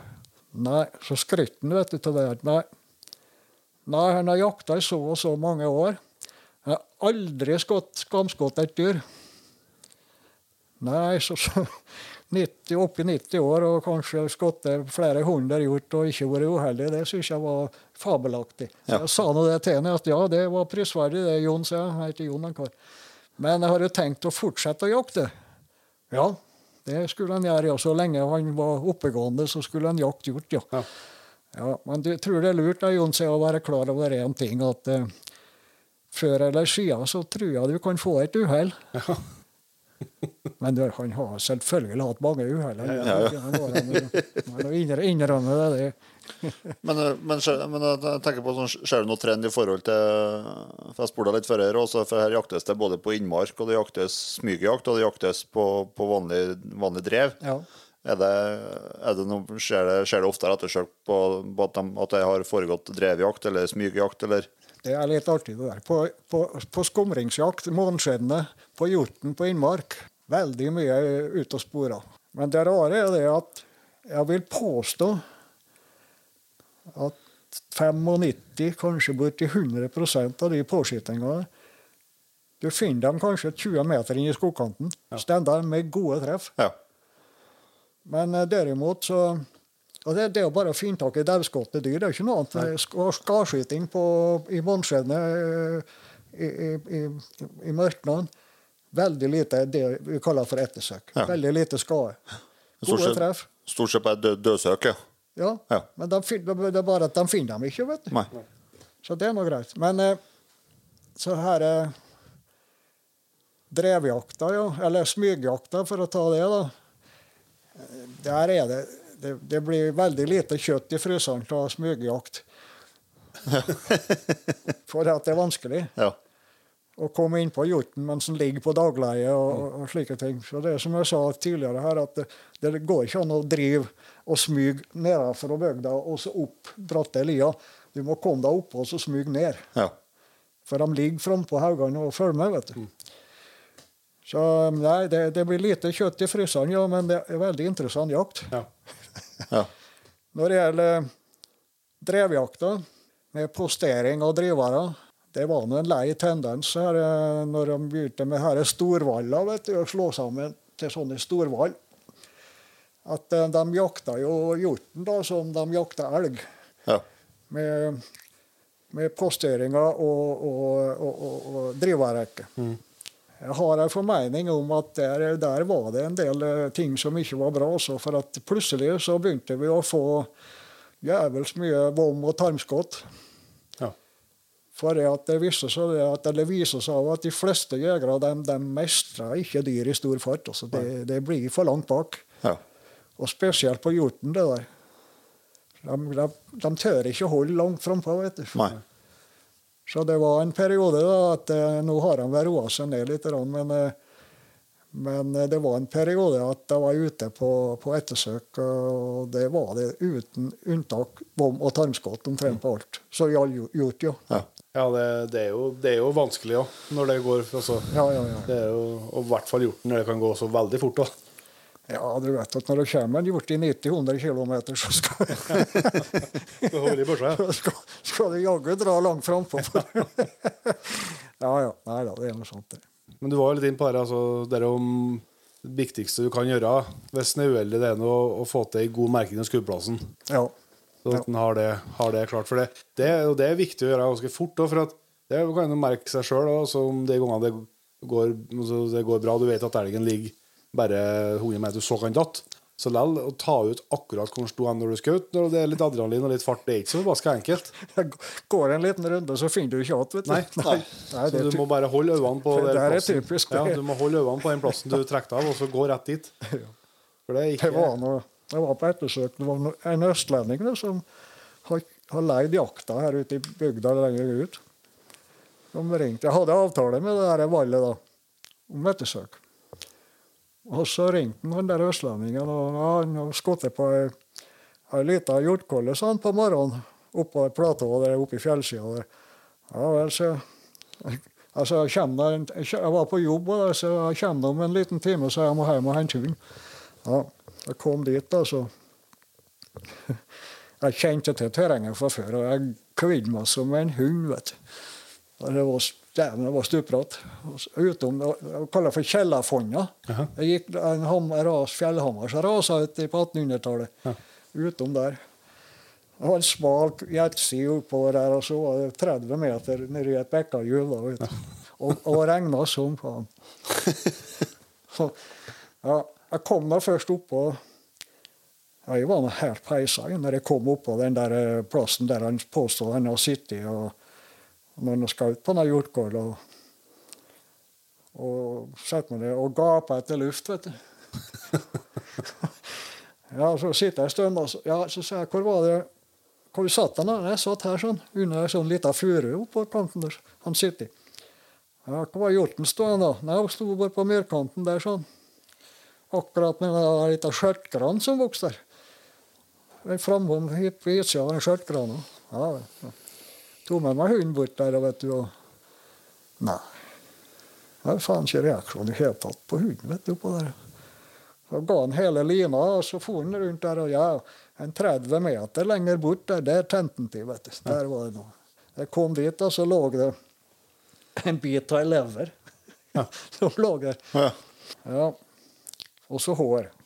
Og så så jeg med en gang at det der var faen ikke noe gjort. vet du. Det, det var jo et, det er ikke rådyr han har skutt på. Så jeg er du sikker på at det var hjort, sa jeg. Ja, ja, ja. ja en liten kolle.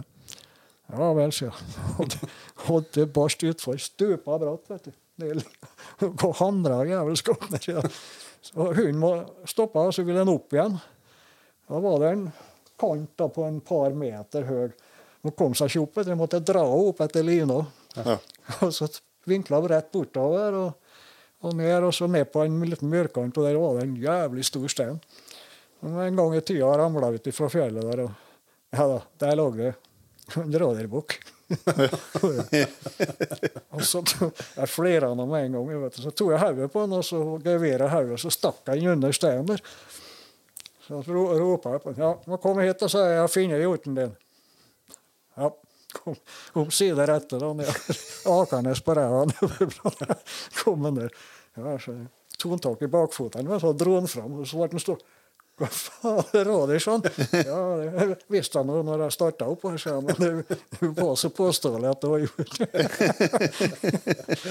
ja. Ja, ja. Nei, så sa jeg at du, nå skal jeg hjem, sa jeg, nå skal jeg hjem og levere hund, og så skal jeg på arbeid igjen. Du får, du får ha god jakt videre. Ja. Sånn. Han ble med seg. Hvordan er forskjellene eh, mellom eh, ettersøkene på hjort og rådyr og elg? Er det, noe som er vanskeligere enn noe annet, eller eh, er det liksom Ja. skadene som avgjør? Jeg har nå en liten formening om det, da, erfaringsmessig. Kanskje at uh, de her rådyrkrapila de er i hvert fall ikke av de likeste å ha med å gjøre. Nei. De er, nå er det ikke så store dyr, men de har en egenskap til å stikke seg bort i alle slags boras. vet du. Ja. Og så en annen ting jeg har merka med Det er at eh, om de er mer hardskotten og tåler mer enn hjorten og elgen gjør, jeg vet ikke jeg, men eh, det var noe Sjøl ut på en rådyrbukk på, på, på innmarka bort på småbruket jeg hadde. Og han for på skogen, selvfølgelig, og, og lette. Jeg så, jeg så faktisk, Det var regna den dagen, så jeg så vanndampen slo ut han. Ja. Men samme han fikk hvordan. Ja. Så jeg tenkte ja, han ligger nå, han ligger nå rett innenfor kanten der. Nei, fanden faen ikke. Han måtte gå hjem igjen, ned, ned og hente hunden vet du, opp. Da hadde han gått inn i skogkanten. Så hadde han ringa opp ovom, om ovom jarden inni i skogen, og så hadde han gått østover igjen. Og det var faen meg en 400-500 meter. Med sentralt lungskudd. Helt utrolig. Så jeg har en formening at rådyra er litt tøffere, eller, eller både hjorten og elgen, i, i så måte. Jo. Ja. De tåler pinadø mer. Ja, spesielt på tanke på at de er så små da, i forhold til altså, i, i gåsetegn samme skaden som kula gjør. Ja. Nei, det sier han, eh, Egil, han sønnen min òg, sier det at nei, eh, rådyr og sånn, det er ofte problem. Ja, for det var, det var litt inn på før her, at, øh, at øh, du har jo blitt en, en gamlere mann, så det, du går ikke med etterskjørt lenger sjøl nå. Nei. Men du har Har ikke fått med. Nei. Og etter den siste turen med jenten, så har jeg slutta helt. nei da, jeg gjør ikke det. Men du har eh, men Nå var det sønnen din og barnebarnet som har tatt over Ja, ja, ja. etterlagsvirksomheten. Ja. De har fulgt opp den nå, vet du. Ja. Og det er nå bra. De får nå brukt hundene sine, i hvert fall. Ja. altså, og det snakkes litt eh, ettersøk på familiemiddagene her. da, jeg. Ja, Barnebarnet er nå innom to, minst to ganger i uka med en bestefar og snakker om ettersøk. ja. skal si litt eh, altså, Vi, vi snakka jo litt om her, eh, både blodsporprøven og fersksporprøven i starten. her eh, Det var jo lett å, å forstå at du mente at det systemet kunne, kunne bedres. Men hva tenker du ellers om systemet i, i Norge i dag, da, med eh, at vi eh, at vi har så mye Altså vi har så mange ekvipasjer. Jeg vet ikke hva det er i registeret, men det er vel en 11 000-12 000 eller noe? ja, det er visst det. Det er visst det, rundt en 11 000-12 000, ja. Nei, altså Hva skal jeg si om det? Jeg vil ikke kalle det for ettersøkshunder, rett og slett. Nei. Men det er klart, eh, en del eh, jaktlag har eh, det jeg vil si sportrena jakthunder. Og det er vel og bra, det. Men det viser seg nå det, da, at når de har fått brukt de der såkalte sportrena jakthundene sine, enten det enten mer av spisshundrase, eller om det er drever eller beagle eller basset det spiller ingen rolle, men det viser seg egentlig da at eh, vi tar over veldig mye ettersøk fra bruk av slike hunder. Mm. Vi gjør det, dessverre.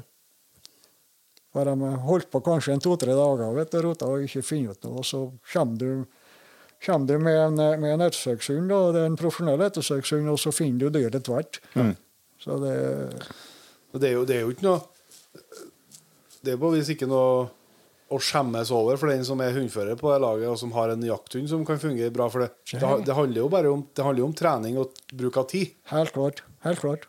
Men det, det, du legger, det du legger i begrepet profesjonell ettersøkshund, det er det at, at den da bruker, brukes bare på ettersøk? Ja, det mener jeg. Ja. Skal du ha en profesjonell ettersøkshund, så skal den være profesjonell. Og, og da bør den helst ikke brukes til vanlig jakt. Nei. Han skal kun gå på skadde, skadde dyr. Ja, ja, ja, ja. Nei da. Men, det, det- men eh, nå er det nå det, da, at eh, altså, de fleste jaktlag i Norges land i dag, vil jeg tro, har egen godkjent hund. Og det er vel bra nok, det, men det problemet er med de der hundene der at de blir jo ikke bruka noe verken til ettersøk eller annet enn utenom jakta. Nei. Hadde de drevet og vedlikeholdt dem eh, i sommerhalvåret og holdt dem i vigør, så tror jeg kanskje de kunne fungert enda bedre. Ja, det, er, det er bare å trekke, Både han og Jon Petter har jo, har jo godkjent ettersøkshunder, men jeg tror nå antall ettersøk vi til sammen går i året, de teller vel ett på ei hånd, ja. Ja, ja, ja. ja men det vet du. Ja, Da blir du ikke god til det. Sånn er det jo bare. Og det er jo for, for min del så handler jo at jeg vil ha en ettersøksgodkjent hund. Det handler jo om at eh, eh, det brukes som løshunder. Sånn at, at jeg har at jeg har et, altså et, altså kan være i gang når jakt, mens jakta pågår. liksom. Hvis det blir skutt på en elg som springer på en post, og hunden allerede er på det sporet, ja, så kan jeg fortsette. liksom. Å, eh, Da kan jeg få holde på med den elgen. Eh, men, eh, men det er liksom hvis det, jeg har ikke villet Det hadde kommet tatt på meg krevende ettersøksjobber liksom å komme etter tolv timer med en av mine hunder på, på et spor. Det tror ikke jeg har blitt noe, noe butikk, nei. Ja, eh, det er rart det der med alder. Det har veldig mye å si med luftfuktighet å gjøre. ja. Ja, hvor lenge sporet kan ligge. Ja. Ja. Der ser du det der sp- brukssporet til Sveiseklubben, som jeg egentlig kunne tenkt meg var, var et godkjenningsspor. Det er jo et spor som har gått ut med klausko. eh, og 400 meter klausko og blodmarkering. Eh, men 400 meter av det der sporet der er uten blod, bare med klau. Ja. Og så har du ei skuddprøve på siste såleie. At du avfyrer f.eks. en 9 mm sånn startpistolpatron ja. for å teste om hunden er skottredd eller ikke. Ja. For at en skottredd hund har vi jo ikke bruk for på ettersøk. Så, men jeg vet å få Kennelklubben eller direktoratet til å gå med på, på å ta i bruk et sånt spor Da, har- da har du ikke behøvd annet enn det sporet. Du har ikke behøvd rent blodspor og rent fersksporspor. Da fikk du begge delene i samme sporet. Men kan, kan, ta, ta oss gjennom den, den prøven, da, som heter den bruks, hva kalte den brukshundprøven? Ja, vi kalte det for bruksspor i Ja. Sveitserklubben. Ja. Ja. ja, så her kom du med, med skisse av sporet. Ja, det er sporstart. Her er ikke noe opphold. Det, det blir lagt med kløv. Det blir lagt med, med kløvsko, så er det ikke noe opphold. Nei. Nei. Men det er bare deler av sporet som ligger med blod. Ja. Ja. Ja, det er at minst 400 meter skal være uten blod. ja. Bare med klauspor. Men her er det, også, det er 20 meter tilbakegang, og så er det en sirkel på Skal du gå rundt en runde sirkel på 50 meter ca. Med sårleie. Ja. Og så er det To vinkler. To vinkler, ja, og så er det et nytt sårleie med skuddtest, og så er det sporslutt. Altså, da, får, da får du, som du ser, da får du både f- ferskspor, eller altså et spor uten blod, og et spor med Ja. blod i samme prøven. ja. Dette er sporet som vi bruker i dag nå. Det er det vanlige blodsporet til kennelklubben. Der eh, skal ha fire vinkler og minst, da. Og så, og så skal det være to opphold i blodet. Jeg har spurt hvorfor har dere opphold i blodet. Ja, nei, det var nå det at hunden skulle, se på hunden når han, når han, når han mista sporet. Ja. Sa, Hunden mista ikke sporet, sa. Ja, men det, det er noe slutt på blod. Ja. Hvis du, hvis du har en hund sa jeg, som du har klart å lære opp til å gå utelukkende på blod, da har du laga den verdens beste konkurransehund. Men det er ikke tilfellet. For her har sporleggeren gått. Han har trakka ned vegetasjon, han har sparka opp grus og stein. han har laget... Det er jo en del av sporet. Ja. For det samme er når hvis en elg tar lei seg og, og, og blør, f.eks. til et sår, det er greit nok, da. Men hvis den ikke blør seg, Ja. så har han gått og, elgen gått og tråkka der. Han har tråkka ned grasstrå, tråkka ned, sparka opp måser og myr og stein. Det er en del av sporet, det òg. Ja. Nei, men det er enkelte som er vanskelig for å, for å forstå det der, skjønner du. Ja. Men det der, til- det der sporet til kennelklubben, eller godkjenningssporet. det, det Du ser enkelte hunder som virkelig går på, på De har ikke problem med det. De går rett over. Ikke noe problem. Nei. Og, og likeens i vinkelen uten blod. Lita sleife, så er den innpå igjen med en gang. Mm. Nei, men det, det handler jo om å få til sporet så realistisk som mulig Ja, I, i, for, i forhold til et reelt ettersøk. Jeg har satt mye på spissen i min tid, og det når jeg har diskutert både med kennelklubben og direktoratet. Jeg liker å gjøre det, men eh, det var noe der jeg diskuterte med det blodoppholdet og greiene. Så sa jeg det er ikke noe opphold i blodet. Så det fins det ikke opphold i sporet. Ja. Nei, så sa jeg at eh, sporleggeren har gått der og trappene er gress. Ei knekt grasstrå, sa. Det lukta annerledes for hunden enn et helt og friskt grasstrå. Ja. Så det er en del av sporbildet, det òg. Og der har sporleggeren har gått der og, og, og sparka opp um, småstein og grus og, og, og brekt kvister og greier. Det er en del av sporet, det òg. Men vi kjenner ikke det, men hunden kjenner det godt. Ja. Ja. Ja. Du var du var inne på det med, med at uh, luftfuktigheten ja. Hva, hva er erfaringa di der? Hva, hva er beste forholdene, og hva er de vanskeligste forholdene? De beste forholdene det er under relativt høy luftfuktighet. Ja. Eh, Det er mange som har vært skeptiske på, på de der sporprøvene. Flere plasser jeg har vært, og de har lagt sporene om kvelden før. Så har det vært, vært mer eller mindre eh, striregn om natta og morgenen. Og skeptisk nei, nei, nei, nei, det er ikke noe vits å gå, det har regna bort. Nei, så sa jeg det er ikke regna bort. Det viser hundene går like godt.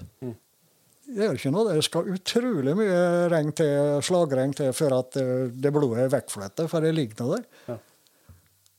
Men det verste forholdet vet du, det er jo skikkelig solsteik og tørrvær. Ja. Og hvis du da kommer inn på, inn på ei snauhogstflat, der det ligger mye tørr grankvist og, og, slike ting, det er det verste. Ja. Og det fordampes det bort, og det tørker inn blodet. og lukter ikke noe av det. Nei, eh, sånn eh, Vi har nå prøver opp gjennom åra forskjellige ting og med hensyn til alder. Nå skal det sporet der skal være minst 20 timer gammelt. ja. før det går. Såpass, ja. Ja. og, eh, men det har jo vært prøver og godt spor vet du, som har vært nesten jeg, jeg har prøvd å gå et spor som har vært nesten ei uke gammelt. Ja. Um, under skikkelig eh, fuktige forhold. Ja. Hunden går, det òg. Ja. Ikke noe problem. For det ligger der, altså. Ja. Ja, det er klart, vi, vi, vi greier ikke å forstå det luktgreiene. så Nei, nei, nei, jeg gjør ikke det, vet du. det helt vet du, Vi kan jo være glad for det, for har vi hatt like god luktsans som hunden, så har vi gått og grenet på nesa hele dagen. Jeg føler det med liksom alder på, på spår og sånn, og dere er, det er noe som vi det diskuteres jo ganske mye. Ja, det gjør det. Altså, på, både det kommer ikke bare på ettersøk, men på vanlig jakt. Og liksom at eh, Ja. noen, eh, og det er jo så merkelig, så noen ganger så, så kan de eh, ta, et- så virker de til å ta et spår som du, om du har sett en elg der dagen før, og så det spåret tar dem som ingenting, og det går så det plystrer. Og neste dag så kan du ha sett en elg for to timer siden, og det virker ikke som de enser at den har vært der. Ja. Så det er jo det, er så, det er utrolig forskjellig, altså. Altså, vi, altså hvor mye vind jeg må nå ha noe, noe å si. Det har jo, vet du, har du, har du sterke solskinn og, og, og, og det blåser, så forsvinner sporet ganske Altså, det forsvinner ikke i den forstand, men det tørker inn. Ja. Ja. Og jeg, jeg har sett jeg var borte i Sverige på ei sporprøve der. Der var det lagt, og da var det, det var så fint vær, vet du. Ja. Og så var det noen snauhogstflater med, med sånn tørr grankvist som lå igjen der. Og så var det et område med noe, noe sånn høyt siv. Og kom der, og hundene hadde store problemer. Det var En etter den andre. Nei, gikk ikke, gikk ikke. gikk ikke. Og så var det et par dager etterpå. Da kom det ei skikkelig regnskyll. Og så sa jeg det til han andre, en andre dommeren der som sa skal vi gå ut og prøve hundene nå. Ja, ja det er jo han svensken har ikke noe helt særlig lyst på det der. Ja, nå går vi og prøver det sporet. Ja. Hundene gikk som faen. Ja. Og da hadde det blod, tørka blodet det hadde løsna opp igjen. det. Ja. ja. Greier du å, greier du å trekke ut noen av, eh, av alle ettersøkene du har gått, som, eh, liksom, som du minnes ekstra, minnes ekstra godt? Altså noen spesielle som har uh, virkelig krevd litt? Det er nå vel kanskje mange som jeg kunne ha trukket ut, da, men uh, den karen som er avbilda på framsida der, Ja. det var ikke noe spesielt vanskelig ettersøk. Men det var langt, og det var jævlig interessant. Ja. Så jeg har skrevet litt om det inni boka. der. Og, ja. Vi vil gjerne få høre den historien. ja, jeg har jo ja, bak i boka ennå en del historier. ja, nei, det var ute på Molle kommune. Det var ute, ja. Der hadde jeg noe avtale med, med han karen der, og, og kom dit. og ja, han Skotte var på innmarka. Ja, han har skottet på den der i bukken. Har stor buksa. Ja vel, sier jeg. Og skulle vise meg skottplassen, da, og greier, og der fant han noen bloddråper. vet du, så var Noen åpne kanaler som var grove der i utkanten på innmarka. Jaha. Og da fant på en stein nede i stein nede i kanalen, tverrkanalen. Der og fant noen bloddråper. Og så spora jeg oppover langs kanalen. Og for hver ti meter vet du, så var jeg ble så forundra. Hunden inn i kanalen, ut igjen, spora. Inn i kanalen, ut igjen, spora. Inn i kanalen. Og så skjønte jeg hva det var. Faen, de har gått og leita, da, vet du. Ja. Trappa borti blodet. Har gått og leita dem, vet du. Så, har dere leita her, sier jeg. Nei, jeg var ikke helt villig til å innrømme det. At, ja, så ser ser således ut så at dere har leita her. Ja, ja, vi har nå vel gjort det, da. Ja, jeg er flink, flink til å legge spor, altså. og så gikk vi ned igjen. Nedi der, og der som man eh, var helt sikker på det var blod. da. Ja. Og da tok hun over kanalen han er opp på myrkanten, og så spora han bortover. Og da kjente jeg på lina med en gang vet du, at her har vi rett spor. Ja. Det var godt... eh, ja, 30-40 meter bortover der. og Da fant jeg ei tarmslegse omtrent så lang som det her er sånn gråhvit Ja. sånn talg. Ja. Og så sa jeg ja, ja. Her har, vi, her har det vært rimelig langt bakpå, så her er det tarmfett. Eller vomfett. Nei, jeg tror ikke det. Så han tror det var bogskott. Nå har jeg jeg aldri sett at de har talg framme i boga. altså. og det ble da langt, vet du. Og kom over. Jeg vet ikke om vi var inne på nabofeltet, men eh, i hvert fall så, så var det et, De har grøfter, ja. Og sånne åpne skogsgrøfter med visse mellomrom. Det var noen måter til å hoppe grøfter da, vet du, og, og greier. Og så var det plutselig så, så stoppa hunden. vet du. Begynte å ringe rundt, rundt, rundt. rundt, rundt, rundt. Så tenkte jeg hva fanken er det? Har en fått vinger nå, eller hva? Ja, og plutselig så for hunden ned i grøfta. Spora langs grøfta, lukta på begge sidene. Og på enden på grøfta, vet du.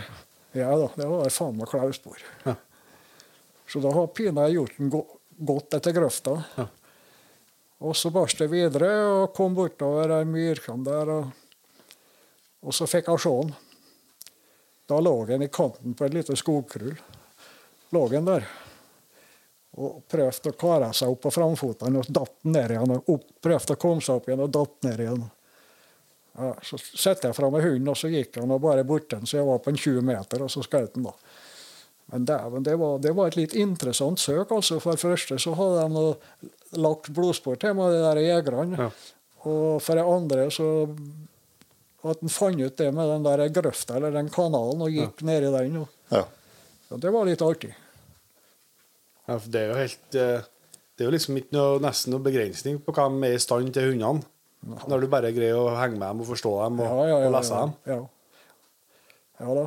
For det er jo, Du snakka jo om den her menneskelige faktoren eh, på eh, menneskelige faktoren når det kommer til skjøtinga og, og den biten der, men den er jo absolutt gjeldende som, som det, som å ødelegge for hundene òg, skal jeg si. Altså At den ikke er like Ja, for dem, altså at den ikke greier å lese dem. Og, Det er snart gjort, det. Og det er derfor jeg mener det at eh, at eh, den profesjonelle bruken til ettersøkshunder eh, Der har du sannsynligvis det er ikke bare sannsynligvis, men jeg vet det fra andre ettersøksjegere som driver profesjonelt.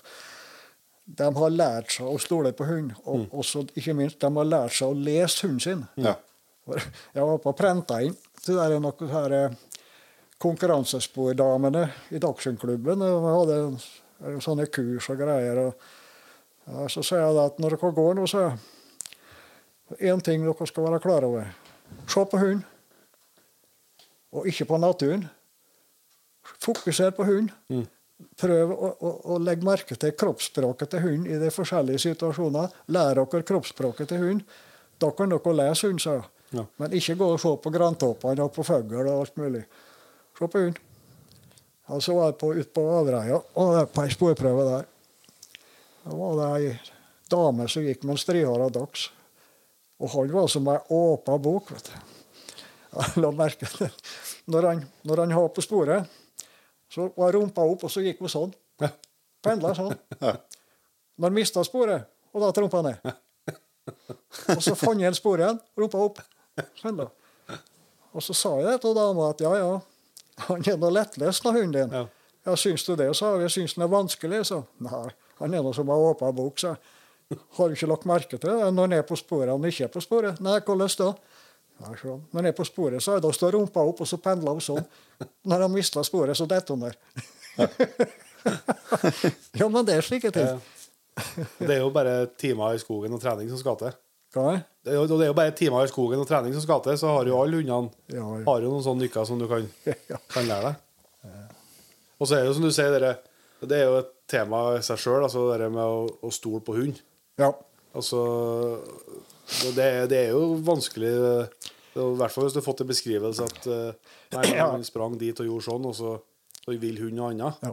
Men- Nei, jeg bruker å si det således at eh, stol på hund i den utstrekning du klarer å lese den. Ja. For klarer du ikke å lese hund, så, så, så kan, du, kan en lure deg skikkelig. vet du. Ja. ja, det er et godt poeng. Men hundførerne de, de, er, de er flinke de, for, for at de har lagt merke til på sporprøver. Det kan gå bra, det der. her. også. Plutselig så får hundføreren for seg at Nei, nå tror jeg han er på feil spor, eller mista sporet.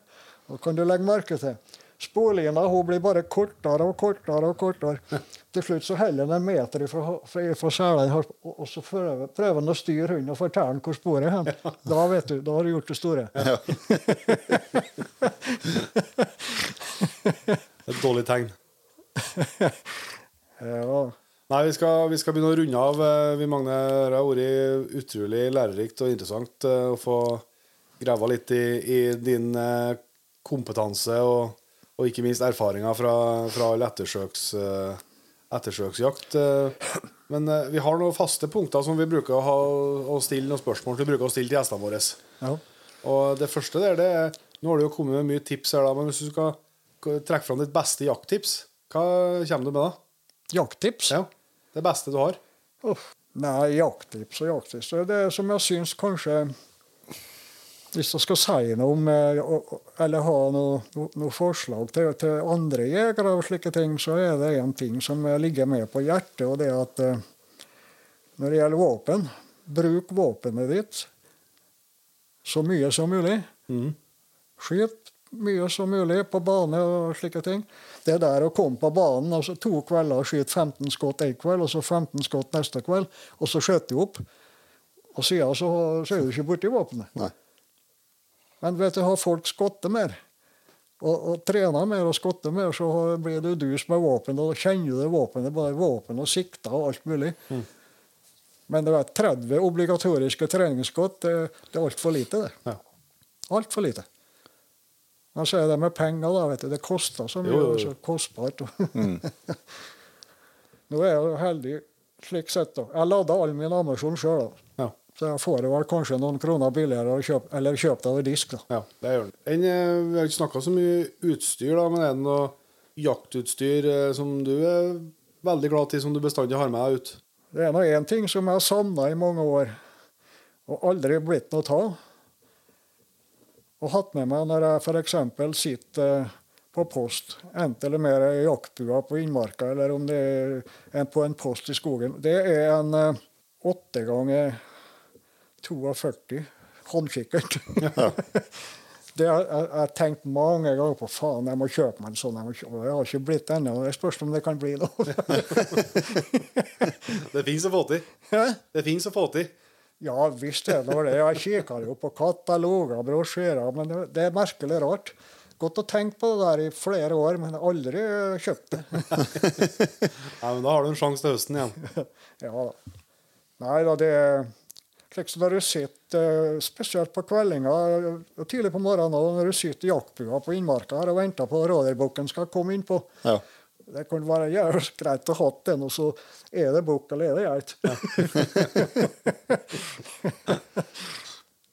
Nei, den der, hva er det? Er, er det 8 ganger 42 det heter? det? Ja, det er, at det er noe, ja. Veldig mye brukt på kontinentet. Tyskland og Østerrike. Ja. De er i skumringa òg. Ja. ja, for de blir, da- de blir da mer, eh, de blir da mer eh, godt egna i, i, i skumringa når det er åtteganger. Ja, ja. ja, men det er noe mer eh, er det ikke nødvendig å ha heller. For at menneskelig øye tar ikke imot mer lys enn enn sju-åtte ganger forstørrelse. Nei. Jeg hadde en Swarovski 3 til 12 ganger 56, var det vel, en gang, sin tid. Ja. Vet, om jeg skrudde den på 12 ganger Jeg så ikke noe bedre da, eller om jeg skrudde ned på sju ganger. Nei. Nei. Men det er klart, på lyse dagen, på lange hold, så kan det være greit på tolvgangsforstørrelse, for da Ja. får du dratt det litt nærmere. Ja. Men du får ikke noe mer lys uh, eller, eller en sju-åtte gangs. Har du noe sånn, eh, har du noe sånn jaktdrøm da, som du har eh, gått og grubla på, som du gjerne skulle fått oppleve, men som du ikke har, eh, ikke har fått ennå? Ja. Nei, nå vet jeg ikke hva jeg skal si, men jeg, jeg, har, jeg har en stor drøm i min pure ungdom. Og det var en tur på, på Kaferbøffel i Afrika. Ja. Jaha. Jeg fikk bygd meg opp en eh, 458 Winchester Magnum på M98-kasse. Og- Men jeg kom aldri til Afrika. Men jeg hadde skutt en 28 hjorter med den kanonen da, vet du. og, og det går jo bra. Også, men du vet På skøytebanen, vet du, det var faen meg bare snørr og tårer, vet du. på de greiene. Og på jakta så var det en, og annen gang vet du, kløva øyebryn med, med skikkelig blodsøl. Ja, nå fikk jeg kamera om. Jeg fikk en forsmaker til å kamre om til 458 ganger 2 tom. American, en villkattpatron. Bruka 300-grens Woodlight-kula og 300 grains eh, TT S6. Ja. Eh, den, er, den klarer jeg å håndtere. Den, den er ikke verre. Ja. Nei, det er blitt favorittbørsa, det. Ja. Ja, det er blitt det. Og så er det sånn, Magne, at uh, Før vi runder helt av, så bruker vi bestandig å spørre om en jakthistorie å gå ut med. Jeg vet ikke om du har, jeg vet jo at du har uh, skapet fullt jakthistorie, så jeg tror nok det finnes et til hvis en greier å komme på ei. Nei. Har det blitt noen storhjorter eller storelger på deg? noen gang. Nei. Nei. Det er det ikke, nei. Ikke har jeg skutt fjølokse heller. Det har vært bare pikokse. Eller sånn et stangevir. Ja, ja. Det var vel eh, Det var borti Sverige, det. Brekke kommune, Jämtland. Der var jeg ha kurs en gang i tida, og så ble jeg invitert på elgjakt. Ja. Av noen karer der. Og Brekke kommune var det jo. Og fikk nå fikk nå henvist et sånt eh, jakttårn, eller det var nå ikke mer enn tre-fire meter høyt. da. Der skulle jeg sitte. Og det gjorde han. Og plutselig så fikk han høre en gråhund som har los. Var ikke så langt unna. Kom nærmere og nærmere den der losen. vet du. Sikkert sånn gå- gålos eller noe Ja. sånt. da. Fikk jeg se hodet og geværet av en elgokse. Det er faen meg det største jeg har sett. Mhm. Jeg tror pinadø er over 20 dager. Ja. Noe forferdelig til greier. Og, men så vet jeg, jeg kunne ikke skyte på han, for det var nå bare geværet og noe til hodet jeg så over buskene. Ja. Antagelig fikk han testa av meg, og så han runda ut og forsvant. Men det var det var nære på jeg fikk meg en skikkelig storokse. ja. Da tror jeg vi, skal, tror jeg vi tar den, og så tror jeg vi runder av. Så skal vi si tusen takk, Magne, for at du har tatt imot oss. Bare hyggelig. Det setter vi veldig stor pris på. Jeg liker å prate ettersøkshunder og jakt. jeg vet du. Ja.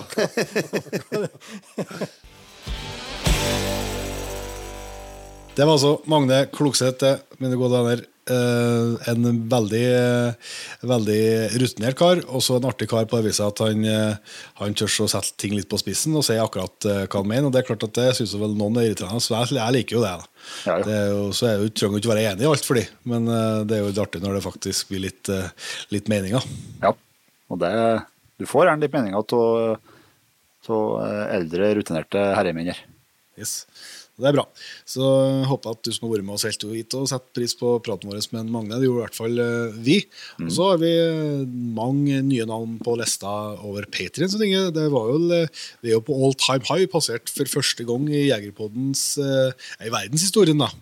Men så passerte vi 3400 Patrions, Oi. som gjør at vi holder virkelig på å tikke inn på målet om 3,5. Det er det er kanskje noen som har fått med seg, og som har begynt å skal være med, og det er vi jo veldig veldig glad for. Så vi sier eh, i hvert fall tusen hjertetakk til Sven Due, Aksel Hole. MCY Fosen, Uh, René Karlstad. Jonas Brendan, Brendan, unnskyld, Kurt Andreas Bertheussen Sandberg. Even eh, Askarud, Astaktrud. Torgeir Glørstad. Fredrik Pelle, Anders Sangro. Håvard Birkeland, Andreas Michaelsen. Julian, Sondre Buer Aasebø. Håkon Ingvaldsen, Henrik Russ. Ole Morten, Jon Håvard Kolsvik. Ulrik, Einar Svardal. Torsten Lundberg, Anders Strømsæter. eh, Eirik Hansen, Hans Runar Koiedal. Erling Evenstuen, Og Truls. Tusen hjertelig takk til Alok og takk til alle sammen som nå er rett og slett er med og utgjør de 3000, over 3400 som er med i Patrion-jaktlaget. Eh, Hvis eh, du som hører på har lyst til å bli med der og kanskje ende opp med å til slutt eh, kunne vinne en tur til Canada og bjørnejakt, så er det bare å følge lenka du finner i beskrivelsen av episoden. Eller gå inn på jegerpod.no. Der finner du jo muligheten for å registrere seg. Og du finner også selvsagt eh, vår eminente nettbutikk med litt eh, snadder eh, som kan være bra å ha med seg i skog og fjell utover høsten.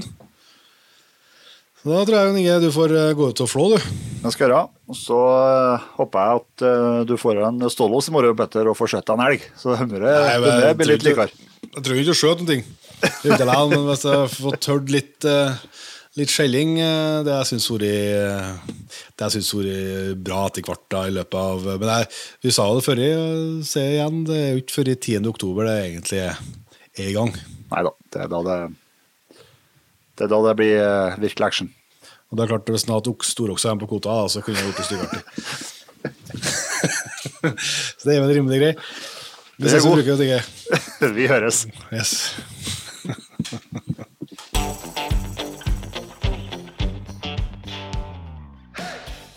Tusen hjertelig takk for at du valgte å bruke litt av tida di på Jegerpodden. Sjekk ut jegerpodden.no eller din din favorittpodkastspiller for enda mer innhold og flere episoder. Følg også Jegerpodden på Facebook og Instagram, og ikke minst, husk å fortelle alle gode venner, familie og tilfeldige forbipasserende om Jegerpodden, sånn at vi får spredd det glade budskap videre. Vi høres.